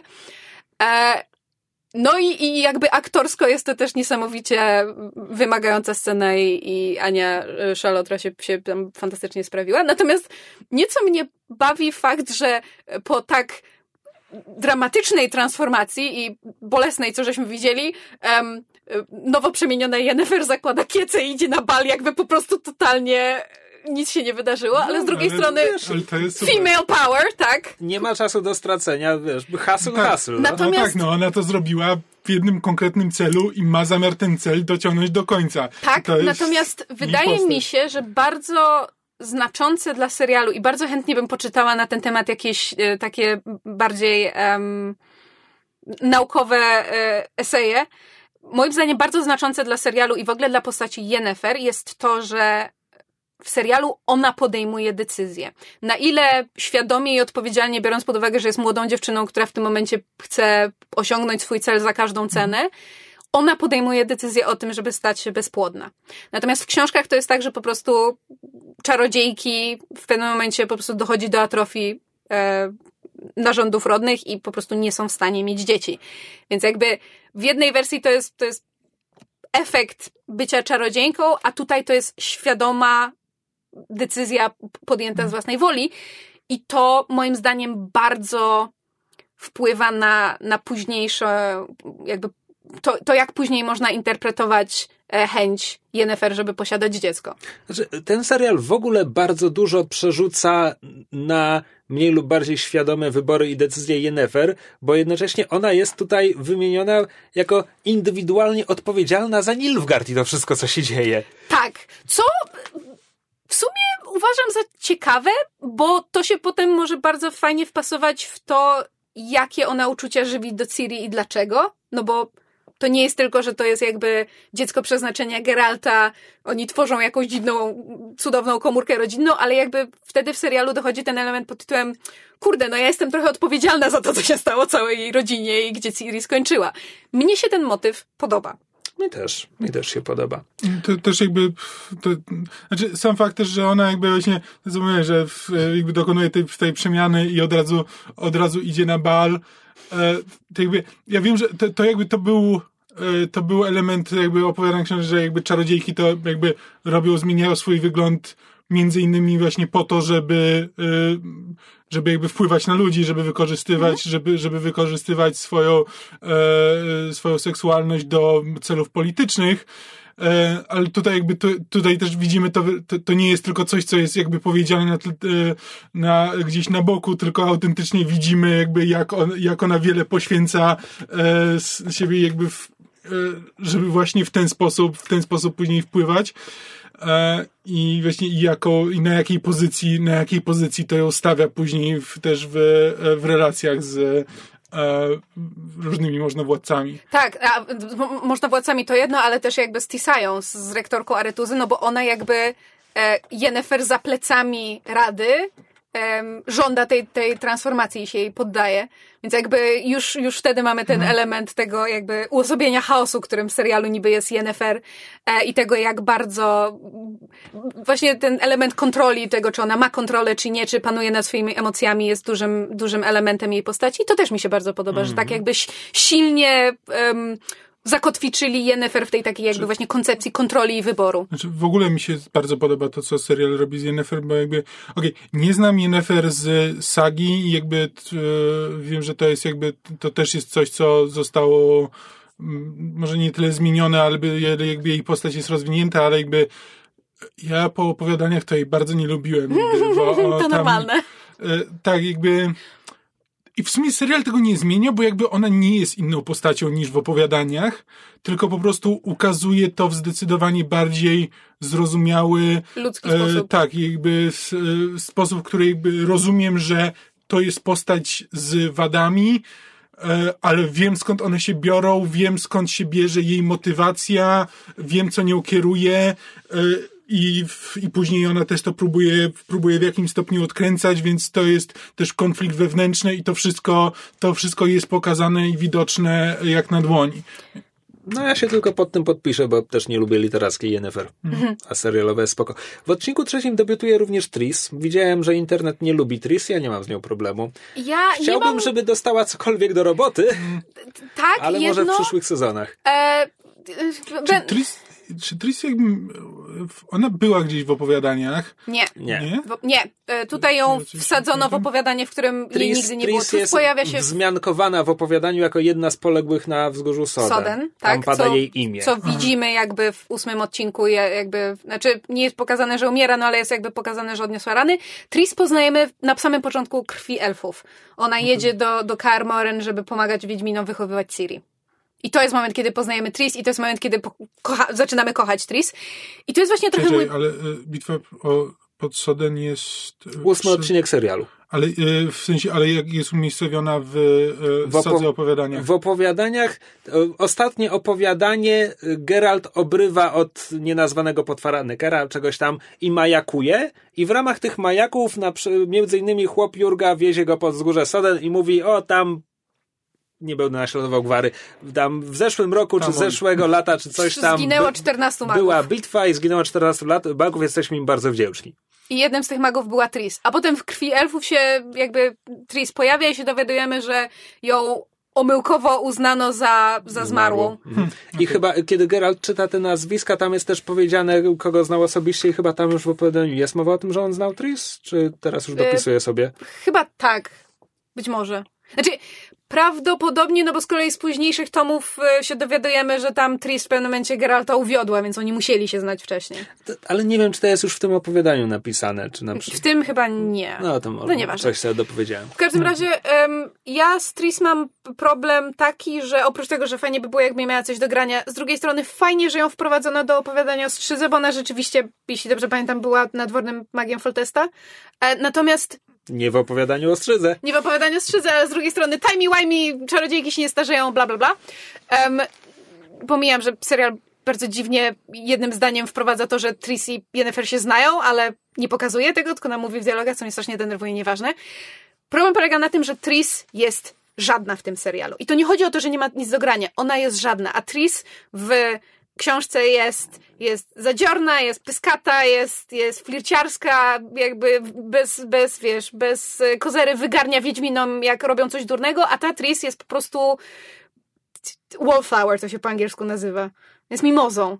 Jest popychadłem i mi się to strasznie nie podoba. Więc po prostu interpretacja postaci nie, nie kupuje jej taką jak tej, tej cichej, spokojnej druidki, bo zresztą potem w ósmym odcinku jak walczą, to widzimy, że jej moc jest taka bardzo związana z naturą, te grzybki, te pnącza i tak dalej, ja tego nie kupuję. Znaczy, może to będzie, może ta Znaczy, bitwa... może to będzie zmiana charakteru po tak, Sodem. że, że, tak, właśnie to chciałem W sumie powiedzieć, tak. że Nie wpadłam na to. Mi się cały czas. Z jakiegoś powodu Tris mi się w ten timeline w ogóle nie wpasowuje. Jak ja ją zobaczyłam po raz pierwszy, to y, zresztą na Twitterze jest na to dowód, że mam pretensję o to, że ma wydekoltowaną sukienkę. A jakby ja wtedy nie wiedziałam, że zobaczymy bitwę pod Soden. Natomiast jeszcze parę słów o czarodziejkach.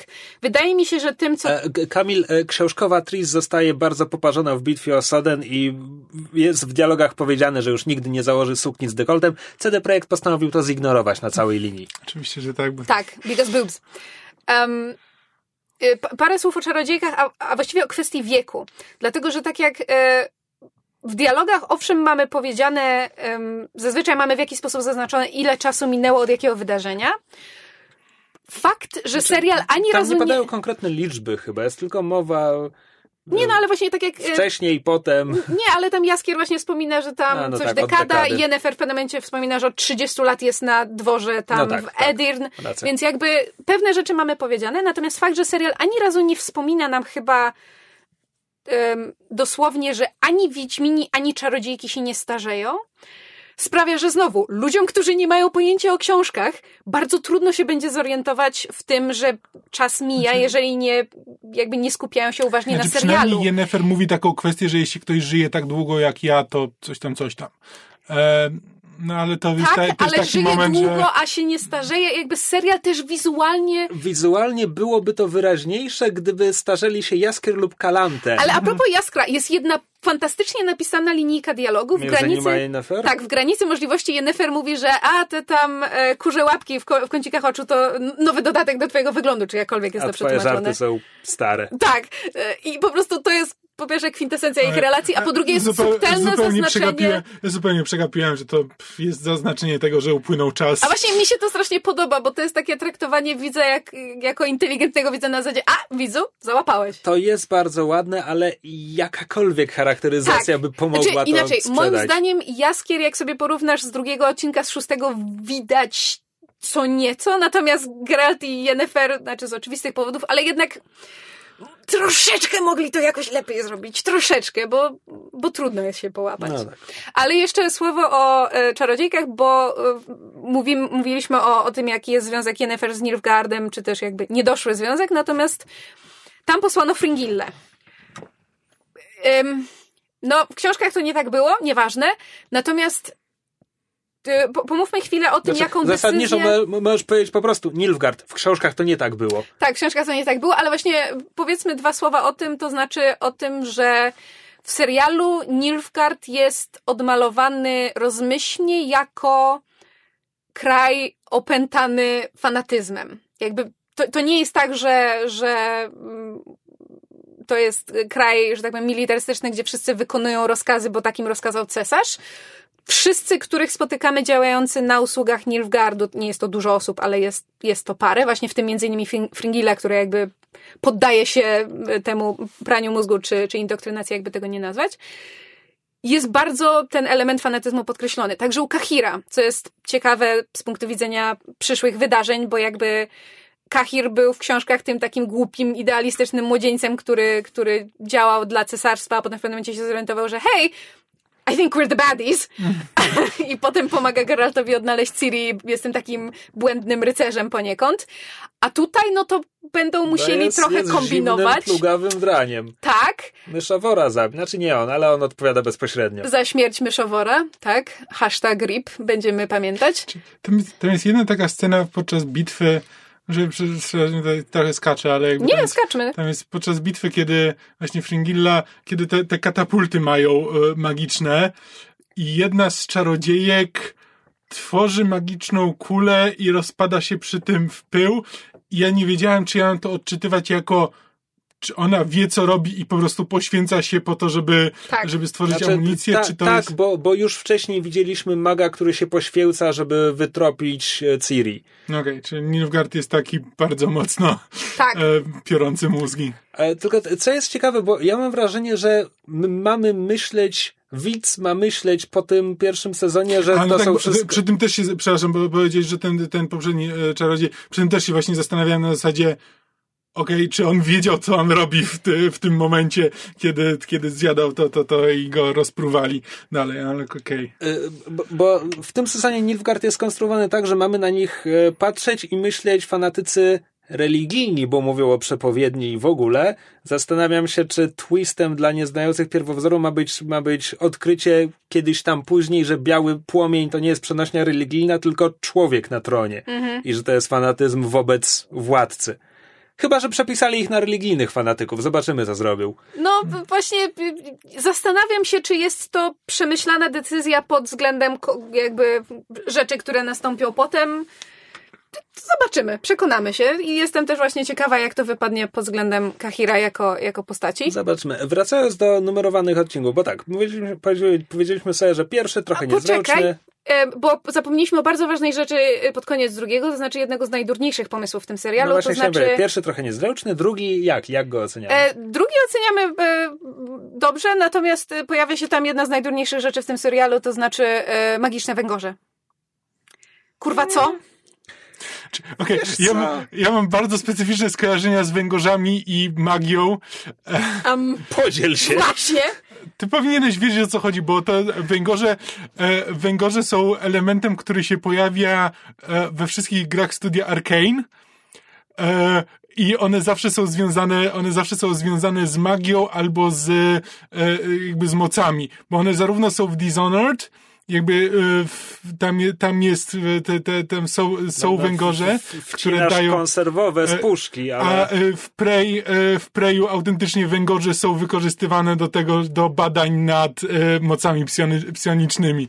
Okej, nie- z jakiegoś powodu mi się węgorze bardzo mocno kojarzą z magią, więc to nawet nie było dla mnie dziwne. Magic Eels! To znaczy, to dla mnie trochę działa, żeby jak, jako to pokazanie, jak bardzo bezwzględnie szkoła podchodzi do adeptek. Zastanawiam się, czy to nie działałoby lepiej, gdyby adeptki wiedziały, że konkurują o to i że te frajerki czeka taki los? Znaczy, To nie byłoby mocniej jako taki, wiesz, wyścig szczurów, żeby nie zostać wełgorzami?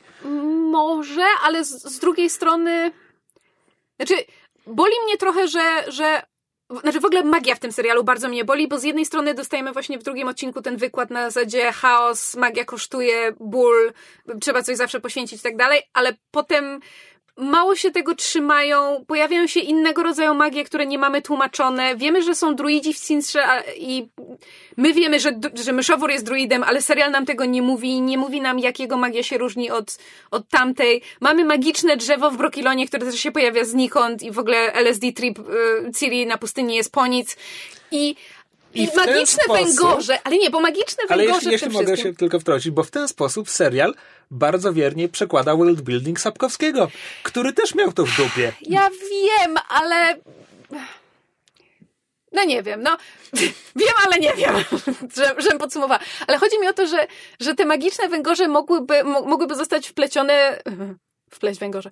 Na, na zasadzie, że, że, że skoro tam mamy. Filawandrel w pewnym momencie mówi, że ludzie sztucznie podporządkowali sobie chaos dla magii i jakby, że, że, że, że, że magia w tym świecie w pewnym sensie zanika i są wspominane te sfery i koniunkcje, jakby jakoś to lepiej wpleść niż tylko, a poświęcamy nasze adeptki po to, żeby zasilać naszą magiczną siedzibę, a żeby było śmieszniej. W późniejszych odcinkach, kiedy Jennifer wraca do Aretuzy, pojawia się wątek tego, że teraz Aretuza bierze em, adeptki z dobrych, bogatych domów i Za bierze wczesne. czesne.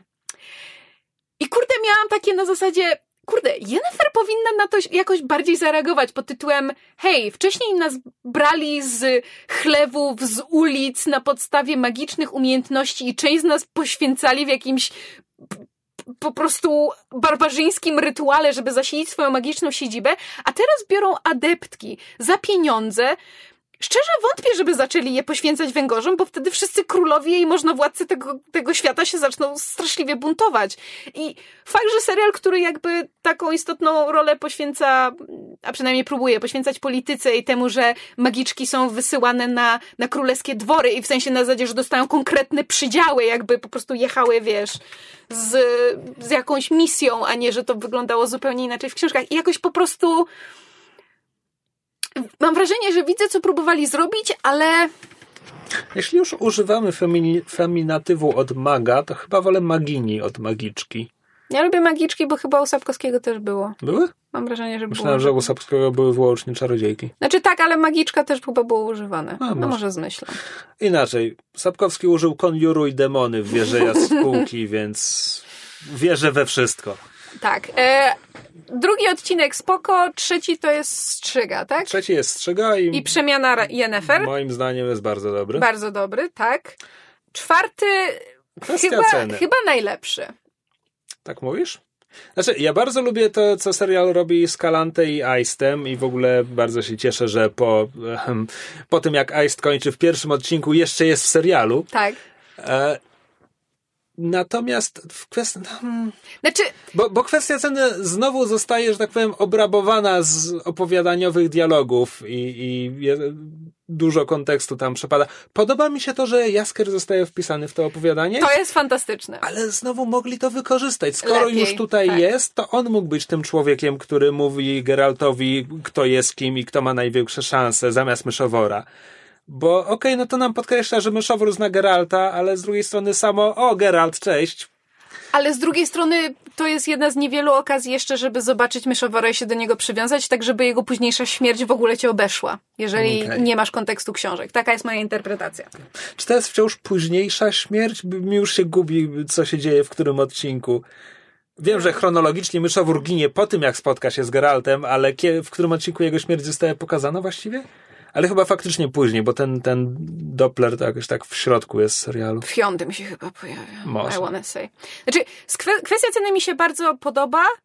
e, Na tyle mocno, że nie pamiętam, co jeszcze się dzieje. A, w tym odcinku jeszcze Yennefer, widzimy, e, właśnie jest przeskok czasu Yennefer, widzimy te jej em, teleportacyjne uciekanie z jej podopieczną, śmierć tej podopiecznej i jej dziecka, monolog Yennefer na, na plaży, który jest bardzo ładnie odegrany. No, i- był, był, ta, był tak ładnie odegrany, że był jedną ze scen, które pokazywano dziennikarzom A, widzisz. na, A, na długo przed. Tak, bo teraz pamiętam, że ja o tym wiedziałam. O tym, nie o nie tym w ramach dialogu. Mhm. tych pierwszych pięciu odcinków, które im dali teraz w grudniu, tylko miesiące wcześniej pokazywano im fragmenty serialu. było. Może. Tak. E, muszę powiedzieć, że kiedy pierwszy raz zobaczyłem e, tego cudaka z oczami na powiekach i magiczną e, modliszką, zacząłem się zastanawiać, czy to, czy to nie okaże się, że to jest ktoś, kto wróci później. Czy to na przykład nie jest Rienz, który jest tutaj wprowadzony, żeby go pokazać, Hmm. żeby nie był człowiekiem znikąd potem. To by było ciekawe, bo wiemy, że Rienz miał niezbyt duże, ale miał zdolności magiczne. Ja w ogóle zapomniałem o tym wątku i nie pamiętam dlaczego on prowadzi. Bo, znaczy on prowadzi głównie do tego, Do żeby Yennefer. tak, żeby Okej. Yennefer mogła odczuć stratę Z tego i niewiele wynika jakby z- później. Okej, dobra. Znaczy, no, to- wynika całe jej, całe jej pragnienie posiadania dziecka, No, ale, ale, jakby... nie, ale tak, ale jakby poza motywacją, czy... Tak, e, Ciri w tym czasie chyba jest e, w Brokilonie. Brokilonie i Brokilon jest, znaczy, szczerze, biorąc pod uwagę, że, że olali Geralta i Ciri w Brokilonie i Miecz Przeznaczenia, to mi ten Brokilon tutaj jest na, po nic, a na dodatek jak się spojrzy na mapę świata, to wychodzi na to, że Ciri e, z Rzezi Cintry poszła na północ do Brokilonu, a potem zawróciła i poszła na, na, na, na południe i przekroczyła Jarugę, żeby No, wylądować na to- Zarzeczu. Um, czekaj, czy to, to nie Doppler myszowór ją wyprowadza w tamtą stronę? Być może, ale to jest wciąż głupie. znaczy, Brokilon tam Znaczy, jest... Nie, to, no bo to ma sens, że sprowadza z Doppler powrotem. myszowór by ją Nie. sprowadził z powrotem. Tak, ale w sensie Brokilon jakby nie spełnia żadnej znaczącej No, To funkcji. się, to się zgadzam, tak. Oprócz tego, że no jakby To jest Ciri, Ciri dostaje... elfów na później. Znaczy, Driad. driad. Em, Czy w serialu jest powiedziane, że to są drady w ogóle? tak. Jest mowa, Tak, jest okej. powiedziane, Ha. że driady. Nie jest Zapomniałem, natomiast... że to są driady. nie jest natomiast- Myślałem, że to są elfy. Na, nie, nie jest natomiast zaznaczone, że e. Tara tak naprawdę, czyli ten e, młody elfi to, towarzysz Ciri, nie powinien mieć prawa tam zostać, ponieważ mężczyźni tam mogli zostawać tylko na bardzo konkretnych prawach, no ale nieważne. No, rozpodowcy. No, he's kinda young, no ale nieważne. Not Em, that young.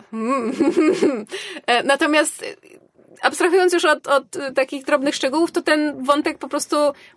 Ten wątek jest tylko po to, żeby w pewnym stopniu podkreślić magiczne przeznaczenie, ważność Ciri, i żeby miała LSD tripa, który też do niczego nie prowadzi bez cliffhangerem i jest moim zdaniem bez sensu. Plus wymyślają dla tego drzewa, które jakoś też zmyślono durną nazwę. Więc Kunszala. Shan, Shan, Shankala, chyba tak się nazywa. Um, natomiast Malator. Mhm, Hakuna Matata. Natomiast Platu Barada Nikto. Natomiast wątek służy tylko temu, żeby dać wy, Ciri wybór pod tytułem możesz tu zostać i zapomnieć o swoich nieszczęściach, Kalima.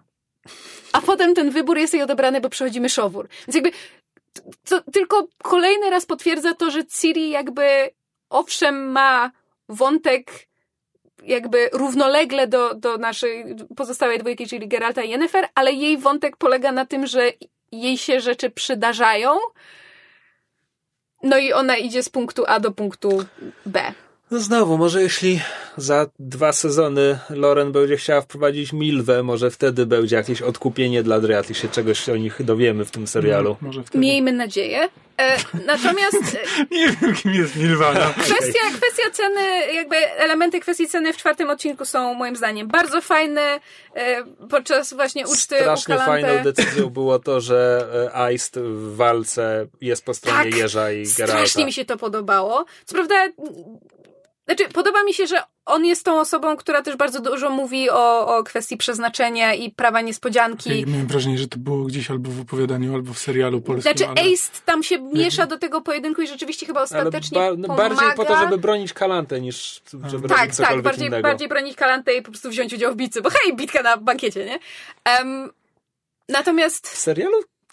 No, Czy, czy Geralt morduje tych wszystkich strażników? Właśnie ja też się nad tym zastanawiałem, ale tam widać rozbryzgi krwi. Tam... Nikt mu tego potem nie wypomina, ale No. w książce jest wyraźnie opisywane, że tam wiesz, ktoś oberwał widelcem gdzieś i tak dalej, połamane kończyny, ale tam chyba nie ma trupów. Tak, znaczy w, tam zawsze, ja to zawsze miałem jako jakby walkę Batmana na zasadzie wszyscy potem leżą e, padnięci, ale mm, No Trzeba- to ta, tam, jest, tam jest slapstick, tam Ale- ktoś komuś dudami po łbie daje. znaczy w książce, tak. Tak. no nie, no bo tam jest w książce, Znaczy, w książce to jest po prostu bitka na, na bankiecie. W serialu trzeba by się przyjrzeć, czy te rozbryzgi krwi to są na zasadzie, wiesz, krew, krew z aorty, czy to jest bardziej na zasadzie, że wiesz, zranił kogoś w nogę, żeby nie mógł dalej walczyć. Natomiast a propos właśnie ktoś kogoś bije du- dudami po głowie, bardzo doceniam drobne szczegóły, wrzucałem to na Twittera. W pewnym momencie autentycznie widzimy, jak już em, scena się uspokaja, bo chyba, nie pamiętam, czy Kalante, czy ktoś krzyknął, żeby, żeby przestali to koło myszowora w tle widzimy damę dworu, która okłada jakiegoś gościa po głowie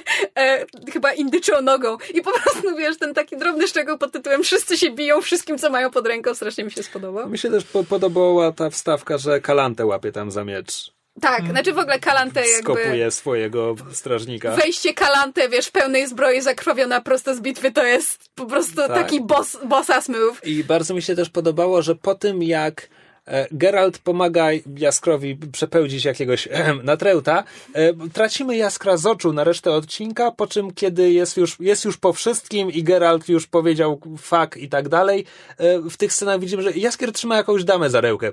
Nie wiemy, co tam się wydarzyło, ale... Znaczy, Geralt, Geralt y, mu sugeruje, żeby tam nie szukał pstrągów w cudzym strumieniu, więc możemy się domyślić, co, co, co się tam y, mogło było zadziać.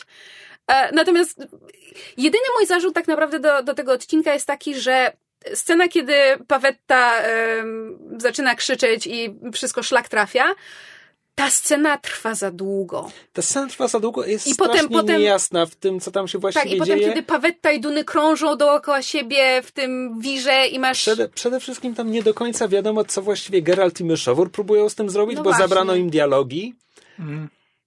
Tak, bo to, to, zabrano ja, Tak. tak, ja, ja się musiałem domyślić na zasadzie, że bo to, to zawsze w opowiadaniach, to o ile się nie mylę, to było na zasadzie, że jeśli teraz z tym coś nie zrobimy, to to się wyrwie spo, spod kontroli i Cały wszystkich burk zabije. obróci się w perzynę, jeśli dobrze pamiętam Okej. tekst. E, no właśnie, i to jest coś, co ja musiałem sobie na zasadzie, że, no jakby nie mając tej wiedzy, no to na zasadzie, no, no to, no okej, no jakby Pawetta się teraz chroni przed innymi. Właściwie czemu oni próbują teraz z tym przeszkodzić? Szczególnie, że wcześniej stali po jej stronie, więc Swoją drogą, a propos jeszcze drobnych szczegółów, bardzo mi się podobało, jak totalnie y, fuck all podejście miał, e, miał serial do e, twistu pod tytułem e, Dwunasty dwunaste, tak, dwunaste uderzenie, uderzenie dzwonu pod tytułem na, nie, fuck it, zrywamy mu hełm, jesz! I jest takie, okej, Oszczędność doceniam, czasu. tak, do, oszczędność czasu. E, Duny wypada bardzo fajnie, Chciałbym coś o nim powiedzieć, ale ale, w sensie jest... o CGI czy o Dunym Dunym? Nie, o Dunym Dunem, no jakby... Ale nie ma dużo czasu. No, no tak, no i, i znowu zasadniczo w opowiadaniu też go nie miał. On, on jest nikim. On jest takim... Tak, ale z drugiej strony w, w opowiadaniu, ponieważ jakby rozmowa na temat y, nagrody Geralta dzieje się już w kuluarach i jakby też zaczynamy widzieć, jak Kalante się odnosi do Dunego. Jakby tam, tam są już te przebłyski Dunego na zasadzie jasne, on, on kocha Pawettę i chce z nią być, ale widać już takie elementy trochę wyrachowania i tego, że on rozumie więcej niż, niż się zdaje. czy Duny jest postacią w później... Denner to jest... Tak, tak. Nie, nie będziemy mu mówić. Nie, nie będziemy mu mówić. Tak, Duny, Duny, Duny Okej. jest. Acz, aczkolwiek e, dziewczyny w czytu zastanawiały się, na ile Sapkowski miał to obmyślone z góry i ja się przychylam do tego, że nie miał tego obmyślonego Ja z nie góry. wierzę, że cokolwiek Sapkowski miał obmyślone z góry, więc... Prawdopodobnie, masz rację. Gdzieś w okolicy trzeciego tomu już chyba myślał o piątym. E, No, tak. tak, ale jakby nie Mówię wierzę... o sadze.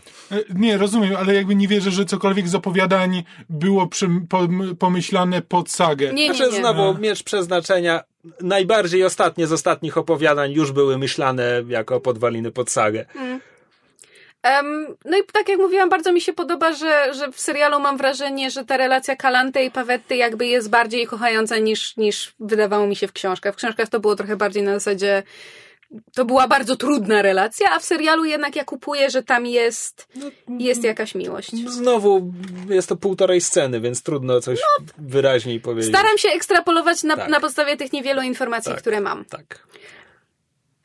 Piąty odcinek jest dość e, istotny, no bo e, spotykają nam się dwie Ostatnie postaci. życzenie. Tak. Pierwsze spotkanie Geralta i Yennefer, które em, znowu bierze opowiadanie poza przerobieniem początku opowiadania, gdzie znalezienie Gina jest kompletnym przypadkiem, tutaj jest celowe, kompletnie przypadkowo Geralt wie o Ginie i tak dalej, ale znowu niech, niech będzie, to nie problem. Znaczy, podoba mi się, że to jest e, jakby decyzja Geralta, że to jest po prostu, to nie jest coś, co wyszło przypadkiem, tylko to jest coś, w co on się wpakował.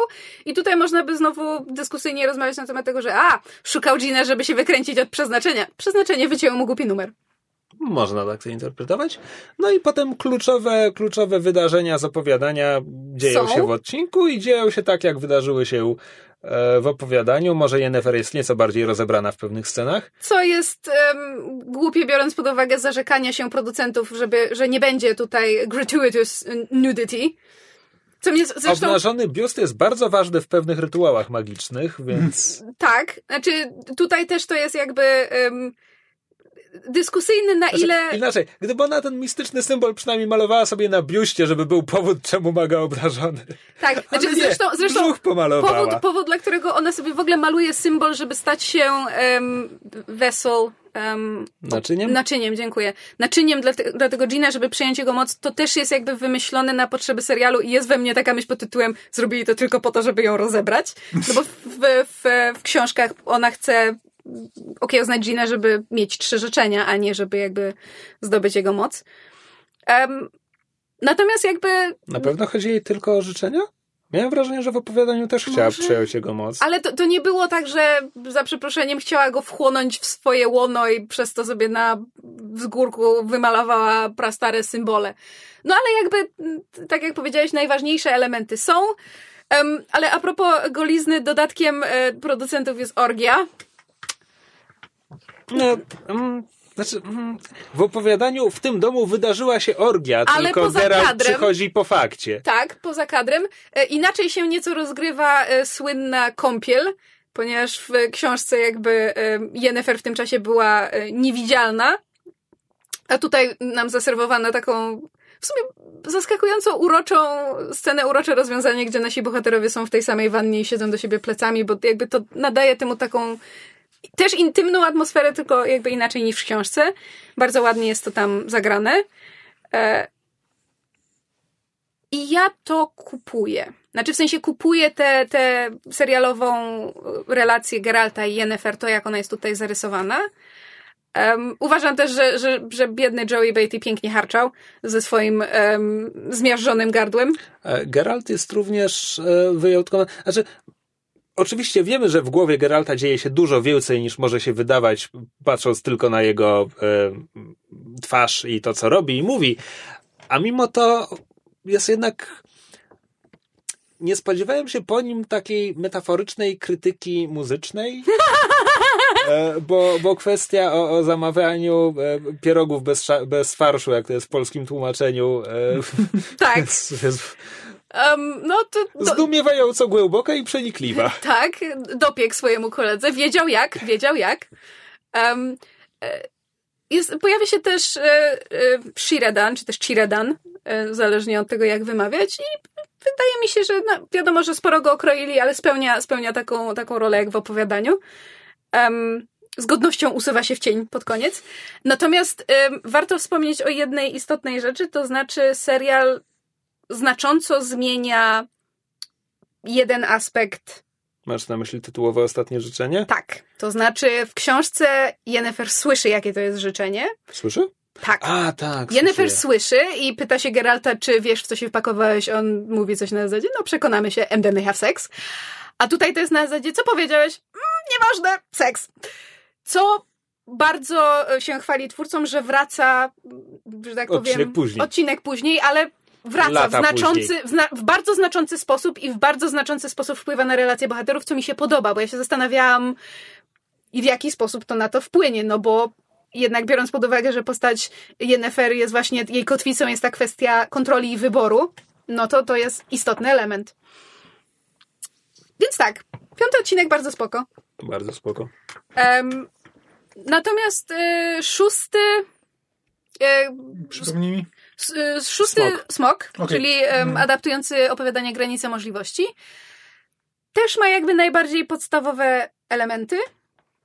Znaczy, Ten zachowuje. chyba zachowuje... zachowuje z, z... Nie. Nie, on, on tak naprawdę zachowuje otwarcie i zakończenie i wymienia środek. Ta, ta ich podróż przez góry, to co się tam dzieje, jest, jest bardzo inaczej.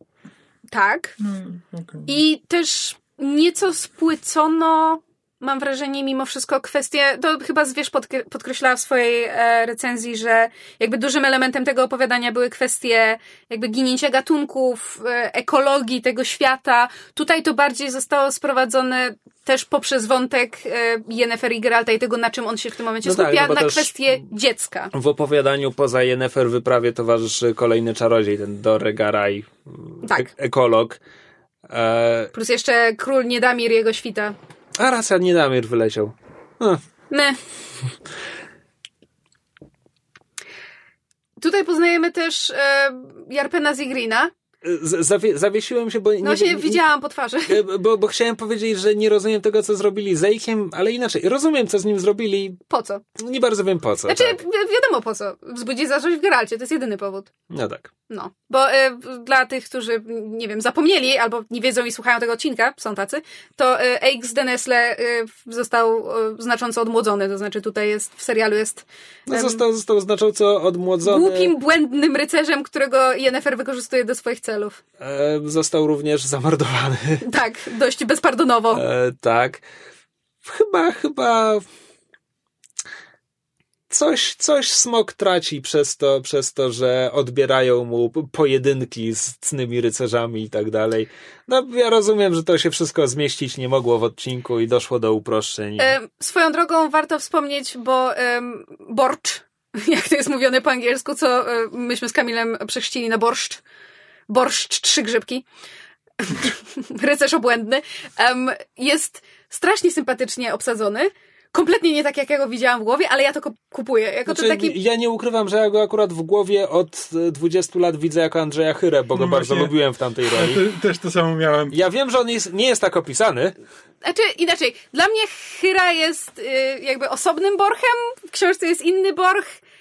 Ten borch mimo wszystko serialowy, Netflixowy jest bliżej tego, co ja miałam w głowie, jak czytałam książkę. Niekoniecznie pod względem wyglądu, ale może bardziej jakiegoś właśnie takiego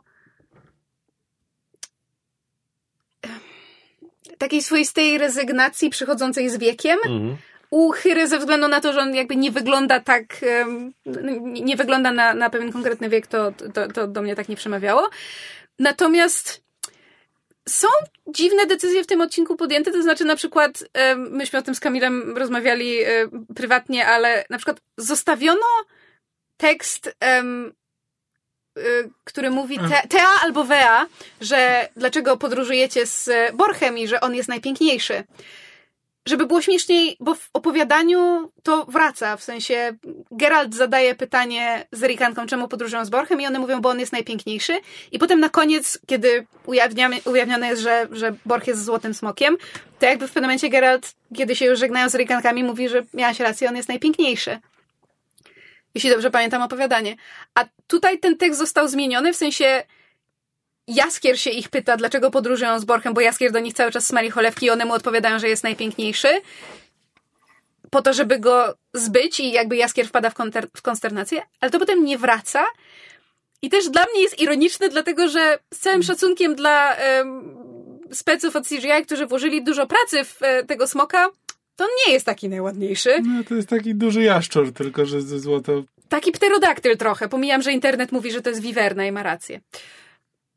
Tylko w ramach tego konkretnego bestiariusza, jakby przypieprzanie się o to, ile smok ma łap jest... Te, te, te. Ale, znaczy, ja mam po prostu wrażenie, że wizualnie, abstrahując od tego, ile, ile mieli pieniędzy na to i jak dobrze je wykorzystali, ja mam wrażenie, że wizualnie twórcy tak bardzo próbowali odejść od, od smo, smoków grotronowych, że właśnie trochę przestro, przesterowali no, a stronę właśnie, jaszczurki. A właśnie smoki grotronowe są takimi najbardziej klasycznymi, poza tym, że też nie mają czterech łap, jeśli dobrze pamiętam. E, że, że jakby uciekając od klasycznego kończysz z kosmicznym psojaszczurem. No tak. Z, z drugiej strony, jak patrzyłam na tego złotego smoka w serialu i słyszałam głos tego właśnie aktora, który gra Bor Borcza, e, wydobywający się ze środka, to miałam bardzo silne i zasadniczo bardzo miłe skojarzenia z filmem Ostatni Smok, gdzie smoka grał Sean Connery. Takiego smoka też mogłabym zobaczyć. Ale chyba, chyba by odbierał nieco od powagi sytuacji. Co, co myślimy o Yennefer walczącej mieczem albo kozikiem, czy co to było? Poko, Nie mam z tym problemu. Podobało mi się to, że oszukiwała. tak. Nie, nie mam z tym problemu, jakby jasne, żyje na, tej, na, w ty, na tym świecie x już lat, dekad, więc miała, mogła się tak, kiedyś jest nauczyć jakby walczyć jest dwórką, jakby widzimy, że inne czarodziejki też potrafią walczyć, że to jakby jest po prostu coś, co e, najwidoczniej jakby w czym są szkolone, jakby Znaczy- jedna z po prostu z dworskich umiejętności, no to jakby jest umiejętność fechtunku, powiedzmy. Znaczy, nie wiem, czy bym aż tak wychodziła daleko z interpretacją, zwłaszcza, że kiedy pojawia, poznajemy Wilgefortza w e, ostatnim odcinku, Przedostatnim. przedostatnim, e, to mamy w pewnym momencie podkreślone, że Wilgefortz jest jednym z niewielu magów, Bawi który się w żołnierza. bawi się w żołnierza. Jakby wiemy też z, z szerszego kanonu, że, że zanim został czarodziejem, był najemnikiem, więc jakby to, że czarodziej potrafi No to- walczyć bronią, no, okej. wcale nie jest takim No ale to tak, tak czy inaczej elementem. wierzyłbym, że Yennefer, Yennefer byłaby tym zainteresowana, żeby... żeby Yennefer lubi mieć asa w rękawie. Co Tak. prawda bra- brakowało mi, wiesz, ze względu na nostalgię wywijana, wy, wywijania e, zręczną nóżką, żeby rzucać zaklęcia, kiedy, wiesz, zamieniali się w ten, przybierali kolor, kolor żółtych kaczeńców. Wtedy byś dopiero pytała o zasady magii, Oczywiście, że tak. jak to wszystko działa. Natomiast bardzo, bardzo mi brakuje. t- tak jak nie wspomniałam o tym, ale w pierwszym odcinku bardzo mi brakowało jednego z moich ulubionych y, dialogów, czyli jakby majtki z Batystu. E, hashtag pamiętamy. To tak w tym, w tym y, odcinku bardzo mi brakowało tekstu, kiedy Geralt i Yennefer wiszą nad przepaścią i jest Jen, czy możesz coś zrobić nogami? Tak, kurwa, pomajtać! Bo ja tak ten tekst lubię. Ale Tam no, ponieważ... Kurwa w oryginale? Tam nie ma kurwy w oryginale. Może nie ma, ale ja ją zawsze dodaję, bo mam wrażenie, że Jennifer by przykleła w tym momencie. Właśnie u Sapkowskiego na papierze te postaci nie kurwią. Nie, tam Przeklinają, jest ale tam nie ma zaraza, kurw. chęt do żony i tak No dalej, właśnie. a w serialu jest dużo fuck. E, No ale tak, po angielsku, po angielsku nie ma tylu e, ładnych, e, tak. staromodnych przekleństw. Za to słowo E. fuck jest bardzo uniwersalne. E, ja tylko e, jeszcze wracając do rzeczy, które się jakby pojawiły w tym serialu, ale trochę nie są podbudowane. E, Znowu wyskakuje trochę w przyszłość, ale kiedy widzimy sceny z wizję z matką Geralta, to e, No to przeskoczyłeś do ósmego. tak, to ona mówi, ale to jest jakby, to, to jest związane z resztą serialu. Ona mówi w pewnym momencie, że trzeba mieć jakiś kodeks. W tym serialu Geralt nigdy nie wspomina o kodeksie wiedźmińskim, Hmm. E, co jest jakby czymś, co, czym się jakby zasłaniał, jakby później się dowiadujemy, że nic takiego nie istnieje. Zresztą nie, nawet później, nawet nie później, bo to jest chyba nawet wspomniane w jednym z pierwszych opowiadań. To jest w głosie E. rozsądku, który jest dopisany do, do, do opowiadań. okej, dobra, okej, to mi się pomyliło. E, No No, ale ale tak. tak jest się- tą w- watą pomiędzy opowiadaniami. No ale tak czy inaczej, że jakby to, to, to jest całkiem fajne, że jakby Geralt zawsze mówi o tym kodeksie wiedźmińskim, że nie zrobi czegoś, bo kodeks wiedźmiński, e, a potem się dowiaduje, że nie ma czegoś takiego, jest po prostu Ge- Geralt ma swój, Geralt ma swój kodeks. Nigdy tego nie lubiłem. Ja, ja, to, ja to bardzo lubię.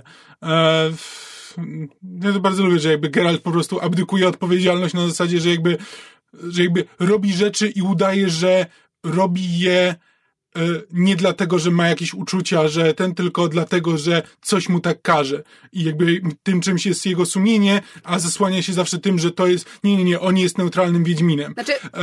Ja, ja, ja to zawsze lubiłem, to mi, to, to, mi, to mi pasowało do Geralta.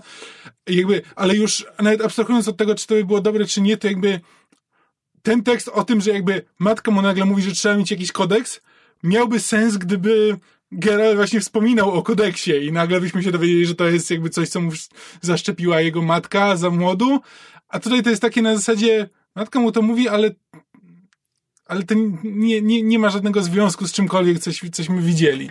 Nie ukrywam, że ja nawet nie pamiętam, że ona mu to mówiła. Ale po prostu zwróciłem taką uwagę i wtedy, bo wtedy mi się po prostu przypomniało, miałem takie, o rzeczywiście nie ma nic o kodeksie wiedźmińskim w tym Żeby serialu. było śmieszniej, to wcale nie jest taki drastyczny przeskok, bo mówiliśmy o Złotym Smoku, a w tej jego onirycznej wizji pojawia się na moment malutki Złoty Smok. Nie, też prawda. Serio. Aha! Co- Connection. Um, czy coś jeszcze mamy w szóstym odcinku? Ciri pewnie gdzieś tam jest. A, z myszoworem wychodzi pewnie z lasu. E, tak. E, No i szósty odcinek kończy się wielką kłótnią Geralta i Yennefer właśnie na temat tegoż em, życzenia. Em, w ogóle bardzo mi się ten. I, I w szóstym odcinku mamy dużo tej w ogóle relacji Geralta i Yennefer, no bo mamy cały ten ich dialog w namiocie, gdzie, gdzie oni jakby rozmawiają o, o, o W tym. Tardisie. Tak, w Tardisie, it's bigger on the inside. Um, I w tamtej scenie chciałabym wspomnieć o czymś, bo podoba mi się. Tutaj zdarza nam się pewne decyzje krytykować albo wątpić w ich słuszność, ale mimo wszystko podoba mi się, jak jest ten serial pisany. Podoba mi się, jak dialogi są pisane po angielsku. Um, chociaż rzeczywiście w polskim dubbingu pewne rzeczy po prostu brzmią bardziej. Pewne żarty bar- lepiej siadają, pewne teksty lepiej siadają, niektóre rzeczy brzmią bardziej swojsko, ale podoba mi się, jak ten serial jest pisany.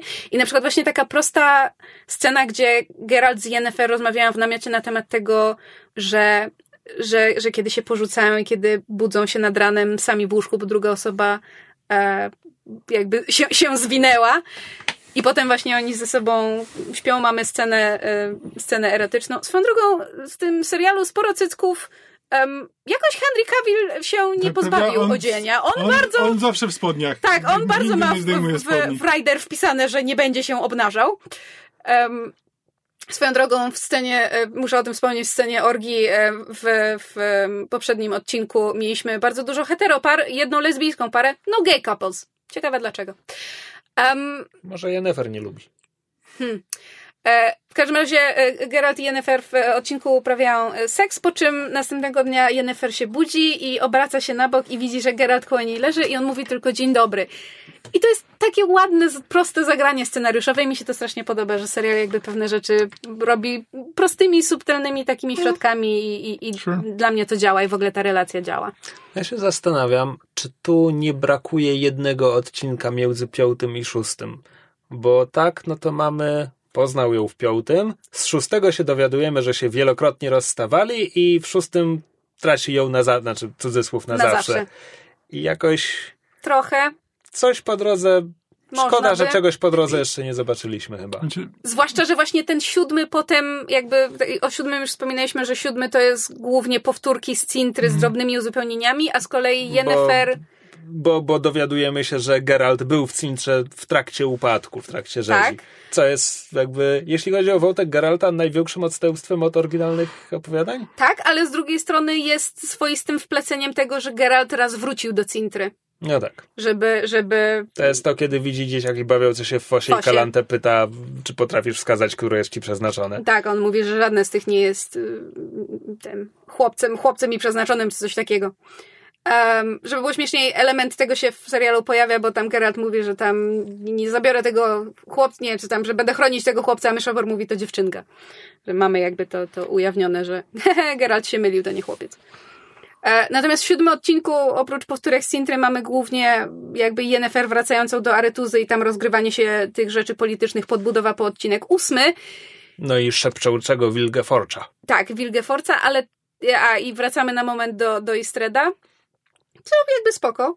E, natomiast tam rzeczywiście jakby trochę tam przetasować i wcisnąć gdzieś jeszcze ten piąty i szósty odcinek, jakieś, jakieś ten rozwinięcie em, wątku Geralta i Yennefer, nie obraziłabym się.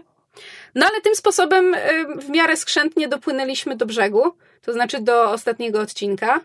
który W dużej mierze już żeśmy omówili. Znaczy, raz w dużej mierze już żeśmy omówili, dwa, jeśli chodzi o wątek Geralta, pozostaje bardzo wierny oryginalnemu tekstowi, to znaczy, Bardzo pogmatwany, nie wiadomo co jest prawdą, a co nie, co się dzieje i o co chodzi. I ja to mówię jako osoba, która wielokrotnie czytała to opowiadanie i wie, co tam się powinno wydarzyć. więc, więc Geralt zostaje ranny w, w walce z małym pokurczem. Swoją drogą, bardzo mi się podoba, że oni połączyli em, opowiadanie właśnie coś więcej, które jakby w książce no, Geralt sobie podróżuje i spotyka gościa, który potrzebuje pomocy, a w serialu on wyszedł właśnie z Cintry i trafia na, na, na pobojowisko tego obozu uchodźców z Cintry, w którym Ciri się skrywała i to tam pomaga Jurdze i to tam zostaje ranny. Bardzo mi się podoba, że to jakby spletli z Cintrą z powrotem. To jest fajne. No tak, no i ranny majakuje sobie na wozie. Majakuje, majaczy, Tak. ma majaki. I w majakach widzi mamę. Między innymi. W sumie jestem zaskoczona. Nie byłam pewna, czy Wisenna się pojawi. Um, pojawiła się, no spoko. Geralt mógł porozmawiać chwilę z mamą. Zastanawiam się, czy ci, którzy nie znają książek, skapnęli się, że to jest jego mama i czy nadal się zastanawiają, czy to była tylko wizja w majakach i czy, czy rzeczywiście się z nią widział. Znaczy, też są Znaczy- te, te, te dialogi w momencie, kiedy on jej mówi, nie posługuj się moim imieniem. A, czekaj, widz, widzowie serialu nie mają powiedzieć, jakim jest Wesemir. Yep. Racja. Znaczy, Hmm. okej, dobra. Y, To jest, ja nie wiem kim jest y, Wisenna. Mamą, Geralta. Mamą Geralta. Znaczy, y, Czarodziejką. ja, ja wie, y, tak, już jakby wiem, tylko że jakby nie znam tej postaci. E, Nikt nie zna, chyba że czytał drogę, z której się nie wraca. Ja czytałem. Nie Hmm. mam wrażenia, żebym znał tę postać. Aha, okej.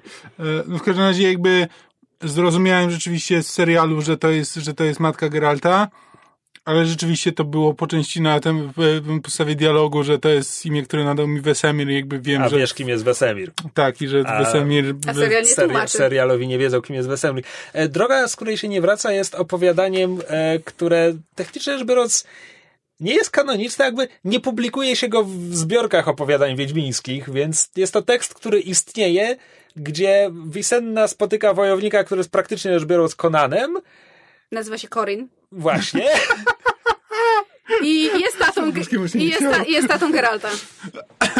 Znaczy tatą. Y, spłodziwszy. tak. Spłodziwszy Geralta. Ja nawet nie pamiętam, o co właściwie tam chodzi. Spotykają się na drodze. Ono też jest tak bardzo nie w tym świecie, bo tam są wspominane jakieś rezerwaty bobułaków, które też nigdy się w innych tekstach nie pojawiają. To jest... nie. no. Em, Więc to jest wątek Geralta. I na koniec wątku Geralta Geralt przejdzie się po lesie i napatoczy się na dziewczynkę z lasu. Przypadkiem jest to Ciri. tak. A ona go zapyta o Yennefer, której nie ma prawa znać, bo w tym odcinku jest dużo wibbly wobbly, timey Czy wimey, ona wizje majaki. słyszała imię Yennefer w trakcie wizji LSD? Znaczy, LSD nie. nie wiem czy LSD, nie wiem przy- podczas której wizji, ale jakby ona gdzieś słyszy, słyszy to imię, y, to imię Znaczy, Yennefer, na, na y, sam koniec bitwy na wzgórzu wszyscy wołają za Yennefer, ale Bo czy... Nawet Geralt, nie, nie, nie. którego tam nie ma. nie pamiętam, w którym to jest momencie, ale na pewno jakby personalnie o, albo ktoś jej mówi, albo ona widzi w jakiejś przepowiedni, ale w każdym razie pojawia się ktoś i coś jest o Yennefer do niej personalnie skierowane. Zapomnieliśmy jeszcze o jednym elemencie Ciri. Warto o nim wspomnieć, bo wydaje mi się. Chodzi ci o koniec wątku Dopplera? Yy, znaczy, wątek Dopplera, no to, że tam Kahir ma Kylo Ren angst moment i zabija całą karczmę, bo, bo Doppler uciekł. Znaczy, Znaczy, bo, Fej- bo Doppler wypuścił Ciri tak, ostatecznie. Do, Doppler wypuścił Ciri i, i, i udawał Ciri, a potem się dwóch Kahirów bije. Jakby spoko, nie mam do tego dużych uwag, natomiast to, że, że Doppler ucieka z, z, ze szramą na ryju, sugeruje mi, że właśnie być może wróci w drugim sezonie. Natomiast bardziej mi chodzi o ten e, element, kiedy Ciri zostaje, e, kradnie konia i zostaje napadnięta na polu i ma moment, kiedy moc przejmuje nad nią em, prawdopodobnie kontrolę i dokonuje się mini rzeź, co dla mnie jest, i biorąc pod uwagę, że ona wcześniej rozmawia z koniem przy ognisku i potem ten jest martwy, dla mnie jest bezpośrednim em, jakby foreshadowing em, pustyni. Żarcia kremu na pustyni. Tak, pustyni Korath i, i, i tego, jak, jak Ciri prób- próbuje chłonąć e, moc z ognia i, i tam się dzieją rzeczy i mamy, Może. wiesz, rzeź No, to, i tak to dalej. jest też ten moment, kiedy Ciri wieszczy i mamy, że nadejdzie czas miecza i topora, czas pogardy i Wilczej zamieci. zbierania chrustu. Nikt Ale to nie jest pierwszy raz, kiedy jakby fragmenty tekstu przepowiedni są wspominane. Parę E, razy się Kahir pojawiają. też tak. rzuca tekst o Mhm. czasie pogardy i tak dalej. Tak. To pora i wilczej zamieci. Em, no i po, poza tym w ósmym odcinku mamy e, wreszcie wielkie e, bicie się Nilfgaardu i e, Znaczy, północy. To, to, to, jest, to jest niewielkie bicie się, ponieważ No znaczy, mamy wyraźnie powiedziane, że sytuacja jest taka, że czarodzieje postanawiają właściwie sami zablokować ważne przejście I czekać na pomoc królów. i czekać na, na, na pomoc e, królów i armii północy, ale też z drugiej strony, ze strony Nilfgaardu mamy wyraźnie powiedziane, że Kahir ma tylko swoje małe siły i kiedy mu tam mówią poczekajmy na generała któregoś tam, Iwantropa, to on mówi nie, więc tak naprawdę to jest tylko starcie garstki czarodziejów z grupą bojową Kahira. Na koniec widzimy nadejście królów północy, już po tym jak ma- magowie się tam utrzymali przez te półtora dnia, czy, czy ile to było. Tak naprawdę nie jest powiedziane, że tam wciąż poza kadrem nie było bitwy, kiedy już przyszli ci Nilfgaardczycy. Może w drugim sezonie się dowiemy, że była, że właśnie przyszły, przyszły wojska królewskie, może ten generał doszedł i tam rzeczywiście była bitwa poza kadrem. W sumie można by to tak zrobić i potem w drugim sezonie rzeczywiście mamy istotność bitwy pod Soden, mamy, mamy wzgórze, warownia była na wzgórzu, No, no jakby wciąż czarodzieje ponoszą ofiarę, żeby, żeby No je tak. tam utrzymać do nadejścia. Właśnie dwa słowa o tym, jak to jest rozegrane, bo ja pamiętam, że pisałam na Twitterze, że jakby rozumiem decyzję, jakby podejrzewam, że częściowo finansową, częściowo logistyczną, żeby właśnie zamiast wielkiej bitwy pod Soden y, zrobić taką trochę wojnę podjazdową małych oddziałów na, na wzgórzu z warownią, bo jednak finansowo i logistycznie jest to łatwiej zrobić. I jakby ja to, ja to kupuję, te właśnie tych pojedynczych magów, który, którzy w, w różny sposób wykorzystują swoje, swoje magiczne zdolności. Niekoniecznie wszystko moim zdaniem tam było logiczne i jakby ja muszę przyznać, że dla mnie siódmy odcinek jest dość dużym spadkiem jakości, a ósmy już był dla mnie szalenie chaotyczny i fakt, że to ostateczne spotkanie Geralta i Ciri nie wybrzmiewa emocjonalnie tak, jak powinno, bardzo też ten odcinek jakby siada w Ja się, mojej ja się opinii. bardzo mocno wyłączyłem podczas ósmego odcinka, jakby do tego stopnia, że bardzo niewiele z niego pamiętam w tym Znaczy, momencie. Myśl- trochę nie, nie zależało na tym, co się dzieje. Inaczej, majaczący Geralt był mi obojętny, tak samo powiem szczerze, że oryginalne opowiadanie też jest jednym z tych, za którymi nie przepadam. Och, ja je bardzo E, lubię. Ale natomiast- dlatego, że ja lubię spotkanie Geralta z, ze śmiercią, no właśnie na, pod, pod pomnikiem, znaczy pod e, Menhirem na wzgórzu Soden. Nie ukrywam, że moją ulubioną wersją tego spotkania e, jest e, śmierć na e, tym hoverboardzie z teatru muzycznego w Gdyni. Ale teraz spoilujesz. Swoją drogą, ja w przyszłym roku chyba pojadę jeszcze raz na ten musical, bo po prostu jest, jest niesamowitym tripem. Jeżeli nie wiecie o czym mowa, to w Gdyni grają musical Wiedźmin. Warto się do niego wybrać. Mamy chyba o tym odcinek. Mamy. Jest to przeżycie. Tak. Luźno związane z Wiedźminem. W każdym razie. Płotka jest śmiercią. Spoilery. Wiesz Ja co? tego nie powiedziałem. To on to Kamil! powiedział. Swoją drogą, autentycznie byłam ciekawa, czy ten serial pójdzie w takim kierunku. Szanowałbym. Swoją drogą, relacja Geralta z Płotką absolutnie przeurocza w serialu. E, natomiast e, Wilgefortz.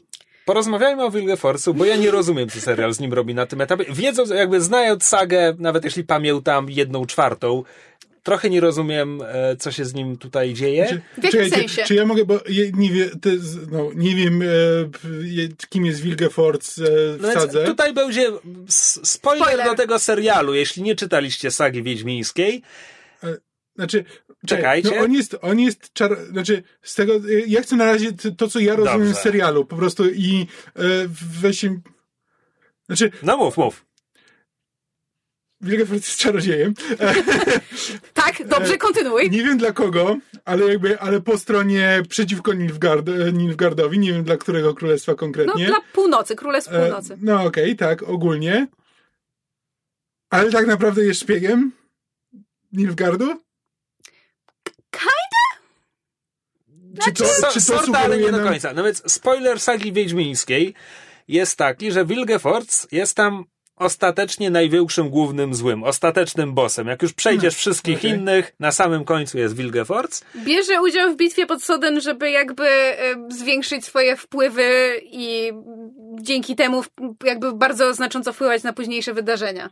I długo długo pracował z Nilfgaardem, Mhm. ale w ramach własnych celów i tam gdzieś w połowie sagi tak naprawdę odwraca się do nich tyłem, także potem i Nilfgaard zaczyna na niego polować. Tak.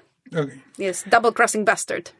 Tak. W związku z tym e, Serial nam na początku pokazuje go jako dobrego maga, któremu bardzo zależy na losach e, Królestw Północy i on jest właśnie tym, który przekonuje, że należy się zaanga- zaangażować w konflikt z Nilfgaardem, że ich wrogie przejęcie Cintry należy, że tak powiem, ukarać. przez co w momencie, gdyby miał po prostu pracować dla Nilfgaardu, no to właśnie zapewnił Nilfgaardowi przegraną, więc zakładam, że nie pracuje po prostu dla Nilfgaardu. No właśnie. Nie, nie rozumiem też, nie rozumiem też te, tej sceny, w której dobija tego czarodzieja, jakby, Znaczy, gdyby było ja bardziej pokaza- nie rozumiem po- pojedynku z Kahirem. E, Do tego chcę jeszcze wrócić, ale ta scena, w Rozumiem. której dobije, dobija czarodzieja Morg- Morgensternem, gdyby tam pokazali, że on odbiera mu jakąś resztkę mocy, żeby się wzmocnić po przegranej walce, to byłoby by po prostu, no jest bezwzględny, dobił sojusznika, bo pracuje na siebie, cokolwiek. Ale on go zabija, bo tak? Znaczy, moja interpretacja tego jest taka, żeby właśnie zasugerować tym, którzy mm, jakby nie pamiętają książek albo nie wiedzą, wyraźnie im pokazać na zasadzie Wilgefortz nie jest, y, he's not a good guy. Jakby on skrywa jakieś jakieś, po- jakieś e, mroczne, nie wiem, pobudki, motywacje. Jakby ostatnie co słyszymy to jest Wilgefortz, czy jesteś z nami. Tak, czy jesteś z nami, czy jesteś po E. naszej stronie. Yennefer go pyta i jakby w No tak. myślach i on nie odpowiada. No to, to I, jest taki, I on potem już się nie pojawia w odcinku też. tak. znaczy to jest takie bardzo łopatologiczne na zasadzie, tak, on jest To nie on jest tak, jak naprawdę myślisz. zły, tak, Tak. ale No tak, a z, a nie z, drugiej strony, a z drugiej strony scenę wcześniej z Kahirem bił się jak najbardziej na poważnie, tam nie ma żadnej ustawki. Tak, więc Skoro, swoją drogą, skoro przy, tym, tym. skoro przy tym jesteśmy, e, podoba mi się, że Wilgefortz jest akrobatą, który tam nawet fikołki kręci i tak dalej. co daje mu ewentualnie później Podbudowę. podbudowę, tak. Pod tanet, tak? Tak. Natomiast w momencie A Kamil głową jest taki biedny. Bonard mywa e, homecoming. E, Czekaj, nie, bo to są słowa, żeby go aktywować, jak Winter czekaj. E, natomiast w momencie, w którym pomysłem na jego użycie magii w walce na miecze jest to, że on wyciąga sobie kolejne miecze z pochwy, to to powinna być walka dystansowa. Gdyby on rzucał nożami, które mu się pojawiają, to to ma dla mnie sens. Ale moment, że on jest takim wojownikiem, że kręci tam salta i fikołki, tylko gubi miecz, co skrzyżowanie mieczy i dlatego wyczarowuje sobie nowe, to jest... Używa magii, żeby pokryć to, że jest tak naprawdę fight łapą? Co w sumie by było bardzo w jego stylu. No więc nie, nie składa mi się to. Gdyby on po prostu rzucał magicznymi nożami, które wyczarowuje z powietrza, to, było, to byłoby bardziej badasowe i miałoby sens.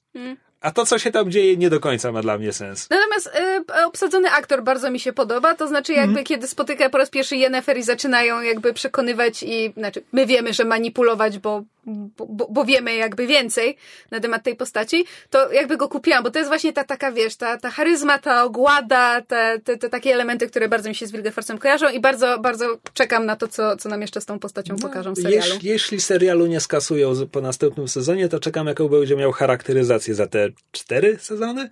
Plus minus, zależy, Plus minus. zależy jakie tempo będą obierali, ale tak. Właśnie ja się zastanawiam w ogóle, co oni planują dalej, bo bardzo mnie zdziwiło, jak mi powiedziałeś, że planują dalej skakać po, skakać po chronologii, Znaczy- bo ja byłem przekonany właśnie, że na zasadzie, okej, dobra, doprowadzili do tego spotkania, więc teraz już można dalej prowadzić chronologicznie Znaczy- historię Geralta, Yennefer i Ciri. Znaczy, ja się- Długie życie Wiedźminów i Czarodziejów daje im wymówkę, żeby to robić, że jest Tak. tam mnóstwo historyjek, które można Z opowiadać. drugiej nawet strony jeśli- Jaskier, hmm, Nawet jeśli, nawet jeśli chcą czerpać właśnie z opowiadań, to jakby mogą to przełożyć po prostu na dalsze. w- Znaczy, co mnie zastanawia?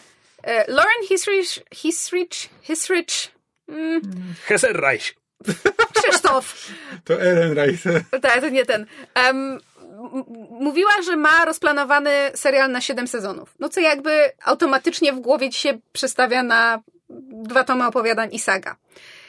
Chciałabym podkreślić, że to, co ja słyszałam o tym, że w drugim sezonie będą jeszcze skakać po czasie i że być może zaadaptują kolejne opowiadania, te, które zostały podczas adaptacji pierwszego sezonu, to nie, to jest, to Mhm. nie jest potwierdzone. To mogą być wciąż po prostu A, same a w sadze jest tak strasznie dużo rzeczy, że ograniczanie się sezon na, na tom, nawet gdyby im na przykład zwiększyli liczbę do 10 odcinków na sezon, to jest nadal strasznie mało, więc będą cieli jak pojebani. Ja pragnę tylko bardzo wyraźnie zaznaczyć, że Loren mówiła w wywiadach, że czytała wszystkie osiem książek o Wiedźminie. Więc e, ja czekam na wątki z sezonu Bush. Jest co najmniej jeden dobry. Tak, ja, ja nie pamiętam. Znaczy jest dokładnie jeden dobry. Ja, ja czytałam, jeden ja, dobry ja, ja czytałam sezon Bush. Co najwyżej jeden dobry. Ja czytałam sezon Bush raz i wystarczy. Um, no Jeśli tak. ktoś czytał komiks Dzieci Lis Lisicy, to jest ten wątek, bo akurat ten komiks był na podstawie książki. O, musiała sobie przeczytać komiks. W ogóle muszę te wiedźmińskie komiksy przeczytać. Nie musisz. A, rozumiem. E, dobrze, no ale w ten sposób dopłynęliśmy do, do brzegu. Przepłynęliśmy tenże ocean. Jarugę. Tak, Jarugę przepłynęliśmy. Em, ja bym jeszcze chciała wspomnieć o e, jednej takiej kwestii, która mnie uderzyła, to znaczy em, oczywiście em, cebulacki e, polski internet i nie tylko em, znosi jajo, ponieważ o mój Boże, ludzie o innym kolorze skóry niż biali. Istnieją. Tak, istnieją. Em, serial fantastycznie, absolutnie potraktował jakby kwestię obsadzania niezależnie od e, koloru skóry. E, bardzo mi się to podoba. Natomiast zastanawia mnie fakt, że Fringilla jako ta czarodziejka współpracująca z Nilfgaardem i ta, która się poddała indoktrynacji i Wilgefortz jako ten główny złol, który my wie, o którym wiemy jakby z kanonu. Oboje są people of color, jako dwa główni złole i mam takie... Hmm, Nie no, umówmy się, w tym, w tym sezonie głównym złolem jest e, Kahir, który Mm. jest bielutki, bielszych trudno ze świecą szukać. Tak, ale po prostu jakoś miałam taką, trochę na zasadzie, owszem, w serialu Wręcz- jest... Wręcz skandynawska biel, bielszej bieli nie ma. Tak, mógłby, być, mógłby być jeszcze blondynem. Um, chociaż nie mógłby być, bo Kahir ma czarne włosy, ale nie trzymają się takich drobiazgów w serialu, nieważne. Um, bardziej mi chodzi o to, że jakby Wilgefortz i Fringilla to są z drugoplanowych y, postaci, które mają imiona jakby chyba jedyne dwie, które są um, nie są białe, pomijając jakby ojca Fringilli, który się pojawia jako trzecioplanowa postać w scenach um, na Rady on, Magów. On, on, on jest kanoniczny, Megu go A- Ar, sprawdzała. Arto, Arturius chyba się nazywa, tak. Um, więc jakby reprezentacja jest, w związku z tym nie wszystkie postacie muszą być em, dobre, natomiast miałam taką myśl pod tytułem właśnie trochę na kanwie na zasadzie jedyna LGBTQ postać jest seryjnym zabójcą i nie wiem, jakoś po prostu miałam taką myśl pod tytułem, czy twórcy trochę nie, nie za szybko poklepali się po plecach na zasadzie, u, patrzcie, jaką mamy fantastyczną reprezentację w serialach fantasy, tego nie ma, jesteśmy pierwsi.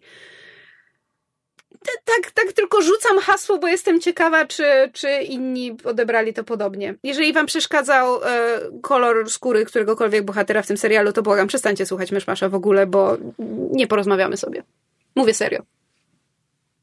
Hmm, E, wracając do jakiejś e, bardziej pozytywnej nuty, A, ty chciałeś do pozytywnej noty, bo ja tylko chciałem No. powiedzieć, że troszkę mi, e, rozmawialiśmy o tym, że z, jakby brakuje temu serialowi w, jest, to, czy brakuje, to jest kwestia sporna prawdopodobnie, ale w porównaniu z, e, z opowiadaniami, to tutaj zupełnie odarto to z tego postmodernistycznego jakby z, z zabaw i z jakby baśniowych elementów. Co jakby, Nie jestem temu przeciwny, szczerze mówiąc. Mówię, dlatego nie, nie, nie mówię, że to jest, że to koniecznie jest złe, tylko że to też sprawia, że to po prostu staje się kolejny jakby serial fantasy, tak, takie straight fantasy. z Grow o Tron. Tak, ale moim zdaniem o, to jest świadoma decyzja po to, żeby potem sezony bazujące już bezpośrednio na sadze Nie odstawały? nie odstawały nagle klimatem, bo Sapkowski z tego zrezygnował w sadze. Tak, plus jakby to jest bardzo często ludzie, którzy lubią opowiadania, a nie lubią sagi, to właśnie o tym mówią na zasadzie, że o, że tu były takie fajne zabawy, a saga już jest na poważnie i nawet Że zbyt poważnie. To jest jeden element tego. Drugi element tego, którego tutaj mi akurat rzeczywiście jakby brakuje, e, to jest to, że e, w, tam e, jakby postaci w Wiedźminlandzie bardzo często rozmawiają o, o ekonomii, o biologii, o Genetyce. genetyce, tak, o jakby rzeczach, Bardzo które są wyjęte, tak, wyjęte z czasu, ale jakby, ale mają sens w kontekście e, świata Wiedźmina, gdzie jakby magia jest nauką i też nie, jakby rozumiem, że ludzie wiedzą, jak działa na przykład genetyka, jak działa biologia, jak działa anatomia, interesują się tego typu rzeczami i je badają. E, I to by było coś, co moim zdaniem nie, e, nie wpłynęłoby na klimat tego serialu, a przynajmniej wyróżniłoby go na tle innych seriali fantazy, mm. gdzie by właśnie to wyjęcie takie trochę anachroniczne z tego, że jakby y, z takiego średniowiecznego fantazy. Biorąc trochę. pod uwagę, że ten anachronizm pojawia się w muzyce i z tego, co czytałam, bardzo dużo krytyki pod względem kostiumów, gdzie jakby ja nie mam podstaw, żeby się wypowiadać, bo nie jestem w żadnej mierze specjalistką w temacie. Jakby anachronizm jest też ogromny w kostiumach i kwestiach scenografii. To właśnie zawarcie tego typu elementów w, anachronicznych w jakby w światotworzeniu przynajmniej oddałoby jakiś element tego właśnie takiego, te, te, tej zabawy, którą Sapkowski w Wiedźminlandzie robił. I jakby, znowu, ja bardzo wiele decyzji twórców rozumiem z punktu widzenia tego, że musieli stworzyć serial zarówno dla fanów, jak i dla nowych widzów, mhm. taki, który dla Netflixa zarobi, utrzyma się, będzie miał dobre recenzje i tak dalej, ale gdzieś w tym wszystkim... Ale trochę pogrywają zbyt bezpiecznie. Tak, znaczy nie dziwię się, pisałam zresztą na Twitterze, nie dziwię się recenzentom, którzy właśnie oceniają serial um, Netflixa jako albo traktujący się zbyt poważnie straight fantasy, albo jako aż zbyt mało kiczowate fantazy typu Ksena, bo prostu... prawda jest taka, że, że Sapkowski jest gdzieś pomiędzy tymi dwoma sterami, a czasami się buje od jednego do drugiego w przeciągu jednego tekstu i tego się nie da. Znaczy, oni, twórcy musieli przyjąć pewien konkretny, spójny ton i się go trzymać. A niestety przez to pewne elementy tego, czym jest saga, czym jest znaczy, Wiedźmin. Przede, przede wszystkim jakby przez to, że idą bardziej w tę poważną stronę i jakby odzierają to trochę z, z dziwności, e, to e, to sprowadza porównania z Grą o Tron, gdzie jakby ten serial no ma jednak e, jakby Gra o Tron ma w tym momencie fory, jakby Gra o Tron miała e, lata na to, żeby zbudować budżet e, wielomilionowy, które ludzie nawet pierwszy sezon, pierwszy sezon Gry o Tron nie wyglądał aż tak imponująco. Znaczy, Niewiele się różni od Wiedźmina, znaczy pod względem... Tak, jakby... ale jakby ludzie pamiętają, jak to wszystko wyglądało jakby, w, jakby później, kiedy już, mm. znaczy to już nawet od drugiego sezonu już ten, ten serial miał dużo większe budżety niż jakikolwiek inny serial. E, więc e, no, zaczynał też z wyższego pułapu. Netflixowy serial tego nie ma, e, więc automatycznie ludzie mówią, że, że jakoś tak biednie wygląda. Słyszałem opinię, że wygląda, że wygląda zbyt sterylnie i, i rzeczywiście i też jakby pod względem jakby tego, jak jest filmowany, jakby jest, jest w porządku. Nie jest, nie jest to brzydki serial, nie jest źle nakręcony, nie jest brzydko nakręcony, ale też nie widziałem wielu ujęć, które by naprawdę robiły na mnie wrażenie, a są też momenty, kiedy jakby widzę, że próbują coś zrobić. Są, jest wiele, wiele scen, w których jakby jest światło z za drzew, które wygląda po prostu jak flara i jakby ktoś próbował dodać do tego taką otoczkę troszkę bardziej, e, która miała przypominać coś wyżej budżetowego, ale ponieważ to jest taki efekt dosyć mocno komputerowy i nienaturalny, to tylko zwraca na siebie uwagę. E, I tutaj właśnie to wszystko sprawia, że trochę brakuje temu, temu serialowi własnego charakteru, mm. bo nie bardzo właśnie wpada, wpada za bardzo w, te, w rzeczy, które ludzie już znają. Co jest o tyle śmieszne, że moim zdaniem, biorąc pod uwagę ogromną popularność i sympatię, jaką wśród jakby ludzi oglądających seriale wzbudzają takie bardzo sort of genre shows, jak na przykład, nie wiem, Lucifer, The Magicians, e, te tam Chronicle, znaczy Chronicles of Shannara, no może niekoniecznie, ale jakby seriale, które trzymają się pewnej Legends of Tomorrow, które są bardzo pulpowym serialem. Pójście bardziej właśnie w stronę takiego albo nawet nie bardziej, ale właśnie próba znalezienia poprzez y, w Netflixowym serialu tego złotego środka, który Sapkowski tak, tak moim zdaniem umiejętnie znalazł, no, pomijając zmianę tonu pomiędzy opowiadaniami a sagą, ale jakby w, op- w opowiadaniach udawało mu się... Czyli znalazł w tych 15% swojej twórczości. Cicho, ja sagę lubię, ale nie jestem w stanie odmówić tego, że ton się bardzo zmienia, ale chodzi mi o to, że gdyby serial był w stanie jakoś lepiej um, meandrować pomiędzy właśnie powagą typu Gra o Tron, a takimi kiczowatymi serialami jak właśnie, nie wiem, Xena, czy Legend of the Seeker, czy Hercules, czy właśnie typu The Magicians, Ale- gdzie można by te baśniowe elementy wpleść i to by, ludzie by to kupili, no jakby Ale rzeczy wiesz, typu Once Upon a Time, ludzie, zabawa Ludzie by to Grimm. kupili. I jakby w grach tego było dużo więcej. Jakby gry dużo więcej sobie pozwalały na e, jakby zabawy z tym, co jest możliwe w tym świecie i, e, w, i jakie, jakie tam się wątki pojawiają. I to z, e, tutaj, tutaj ten serial nawet, nawet na to nie patrzy, a biorąc pod uwagę, że na zachodzie no to więcej osób prawdopodobnie będzie kojarzyło Geralta z gier, no to to tym bardziej jest dziwne, że właśnie ani nie, ani nie korzystają z klimatu, który książki zbudowały, który był bardzo specyficzny, ani nie korzystają z klimatu, który gry zbudowały, który też był specyficzny na swój sposób, jakby czerpiąc z książek, ale w zupełnie, w zupełnie inne, e, w inny sposób i w, y, i zbyt się upodobnia do, do fantazy, które, które wszyscy znają. I, Jakby, Wiesz co, znaczy, bo ja na zastanawiam przykład... się też, jeśli mogę, No. Czy to nie była świadoma decyzja, żeby Moim to zdaniem tak. ugenerycznić na, na zasadzie obaw, że jeśli to będzie zbyt dziwne, moim to zdaniem będzie tak. zbyt niszowe, a Netflix niszowe seriale zabija po pierwszym, względnie drugim se sezonie. Znaczy, umówmy się, Wiedźmin nadal ma dużą szansę na to, żeby niestety umrzeć e, śmiercią tragiczną, bo Netflix ma e, ostatnio klątwę trzech sezonów. Natomiast jakby... To nie jest klątwa, to jest przemyślana decyzja ta- biznesowa. tak, ale w sensie E, klątwa tak. dla, dla wiesz, fanów tychże skasowanych seriali. Natomiast m- moim zdaniem, moim zdaniem to jak najbardziej jest przemyślana decyzja, tym bardziej, że Lauren w wywiadach podkreśla, że że oni się nie boją porównań z Grą o Tron, że jakby wiedzą w- w jakich realiach powstaje Wiedźmin i, i, i serial jest tworzony, więc wiedzą, że takie porównania będą i oni się ich nie boją. No i podjęli takie, a nie inne, prawdopodobnie uzasadnione finansowo czy, czy względami oglądalności decyzje. No i zobaczymy, jakie będą tego efekty, prawda? Ale. Ale, ale mieliśmy na koniec powiedzieć coś pozytywnego, Tak, pozytywnego. zanim Kamil się wbił ze swoim negatywizmem. E, znaczy, ja bym chciała, żeby, żeby słuchacze e, przy, przy tych naszych wszystkich mniej lub bardziej zjadliwych do, narzekaniach, chociaż nie mam wrażenia, że byliśmy jacyś bardzo em, niemili względem serialu.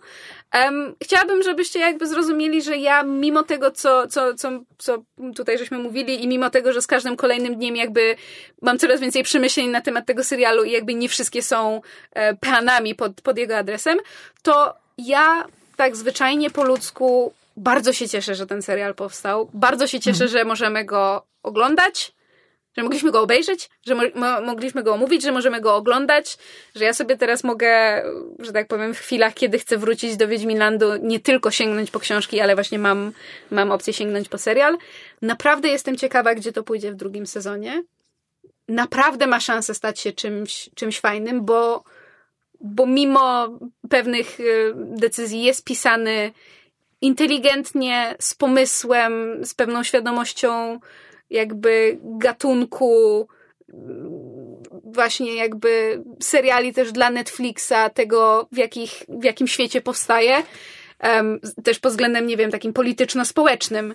Jakby fakt, że kobiety odgrywają tak dużą rolę w, w tym serialu nie jest bez znaczenia. Jakby u Zapkowskiego też odgrywały dużą rolę, ale jednak tu mamy wyraźne zwiększenie tych, tych wątków, postawienie ich na, na równi z, z Geraltem. Mhm. I, I no kurde, no ja się cieszę.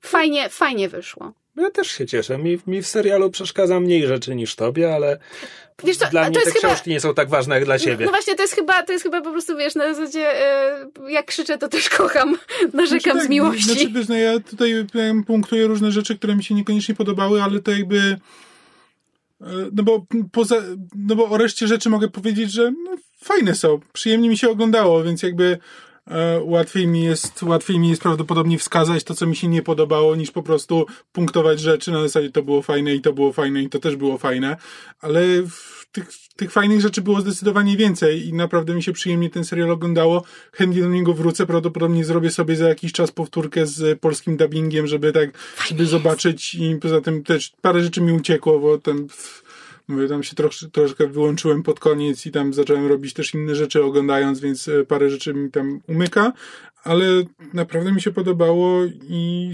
jest, i też wydaje mi się, że dalej może być tylko lepiej, że jak już trochę załapią, mm. załapią wprawy i znajdą, znajdą jakiś własny styl, to, to dalej, to dalej może być naprawdę, naprawdę bardzo ciekawie i jestem, jestem naprawdę, w tym momencie jestem bardzo zainteresowany po prostu tym, co się będzie dalej e, działo w drugim sezonie, bo wydaje mi się, że może być naprawdę bardzo dobrze i ten serial może zyskać. Tak. I jeżeli mieliście um, okazję oglądać e, Wiedźmina z polskimi napisami, to bardzo proszę, żebyście e, teraz poszli na e, bloga Megu Katus Gikus albo na jej Twittera i powiedzieli jej miłe słowo, bo ona w to tłumaczenie mogliście nie wiedzieć, ale nasza, nasza Megu z czytu czytu i, i z byłego podsłuchane tłumaczyła napisy do serialu i wykonała naprawdę kawał niesamowitej roboty, siedziała nad tym bardzo długo, robiła ekstensywny research, czytała te książki po prostu po, po kilkanaście razy i dopasowywała tak, żeby było wszystko super, więc um, idźcie i, i podziękujcie jej za, za kawał roboty i powiedzcie jej coś miłego. A jeżeli nie macie nic miłego do powiedzenia, to możecie spieprzać na żywo, bo jeżeli ktoś skrytykuje Megu, to osobiście się z nim porachuje. No, i tym miłym akcentem... E, podoba mi się, jak nie cackasz się z naszymi słuchaczami. no słuchaj, no po tych 246... Ma, macie problem, tam są drzwi. tak. Słuchaj, po tych 246 odcinkach i po tych ponad 6 latach naprawdę mam wrażenie, że możemy um, traktować się jak e, przyjaciele i e, nie, nie owijać ze sobą w bawełnę. Um, mam nadzieję, że też tak to odczuwacie, drodzy słuchacze. Um, zanim ja jeszcze się... odczuwam późną godzinę. Tak, rozmawialiśmy dłużej niż planowaliśmy, ale słuchajcie, bardzo. Spojrzenie z zakulis. Jeśli słuchacie tego odcinka w dniu premiery, to możemy Wam jeszcze powiedzieć, że hej, o 19 mamy live'a, na którego możecie dołączyć. E, na YouTubie. Jeśli słuchacie tego odcinka oczywiście w dniu premiery przed godziną 19. A, a jeśli słuchacie po, to ten live będzie na YouTubie, więc można go sobie obejrzeć. Tak, a w ramach spojrzenia z zakulis dodam, że żeby się przygotować do live'a i tak dalej, zostało nam niecałe 19 godzin. Dajcie mi spać. Tak, e, już wypuszczamy Krzysztofa ze studia, puszczamy go do domu. E, zanim się jeszcze pożegnamy, chcielibyśmy wspomnieć e, o zbiórce charytatywnej, którą w miesiącu grudniu organizujemy w ramach wspierania Fundacji Zobacz Jestem, która pomaga dzieciom i młodzieży z problemami emocjonalnymi. Jakby to jest, to jest idea bliska naszemu serca, e, naszym, naszym sercom e, i e, bardzo bylibyśmy, bylibyśmy wdzięczni, gdybyście się dorzucili na... Nawet pięciozłotówku. Znaczy akurat chyba na Facebooku nie można 5 zł, ale to nieważne. Tak, tak jest limit chyba od minimum 20 zł. W każdym razie na podsłuchane.pl ukośnik Wiglia 2019 prowadzimy zbiórkę na Facebooku. W tym momencie przebiliśmy już 3000 zł, co jest absolutnie szalone i absurdalne i w ogóle wszyscy, którzy są, się hmm. dorzucili są niesamowici niesamowici. Tam możecie przeczytać więcej o całej akcji, bo my też zamierzamy dorzucić do, mm, do zebranych pieniędzy cały nasz grudniowy przychód z Patronite'a sesji na podsłuchu e, i też podczas live'a będziemy, będziemy zbierać e, pieniądze. Jeżeli możecie w grudniu się do tego dorzucić albo przynajmniej podzielić się linkiem do zbiórki ze znajomymi, z bliskimi, żeby nam pomóc zebrać jak najwięcej dla fundacji, która robi naprawdę fantastyczną robotę i pomaga dzieciakom i młodzieży. Będzie nam strasznie miło. Możecie nam zrobić e, taki świąteczny prezent. Dzięki za uwagę. Krzysiek już mnie zaraz zamorduje. Nie, nie, nie, ja tylko chciałem podkreślić, że jeśli chcecie pomóc jednocześnie fundacji i nam, to ten nasz Patronite jest teraz idealny, bo grudniowy Patronite i tak pójdzie na fundację, a jeśli po grudniu nie skasujecie wsparcia dla nas, to, to reszta pójdzie dla nas. Tak. E, więc tym optymistycznym akcentem kończymy. Puszczamy Krzysia do domu, bo zaraz mnie zje. Dzięki Wam za uwagę. Czekamy na Wasze pytania, komentarze, sugestie, tam gdzie zwykle. I do usłyszenia już w nowym roku. Cześć. Cześć.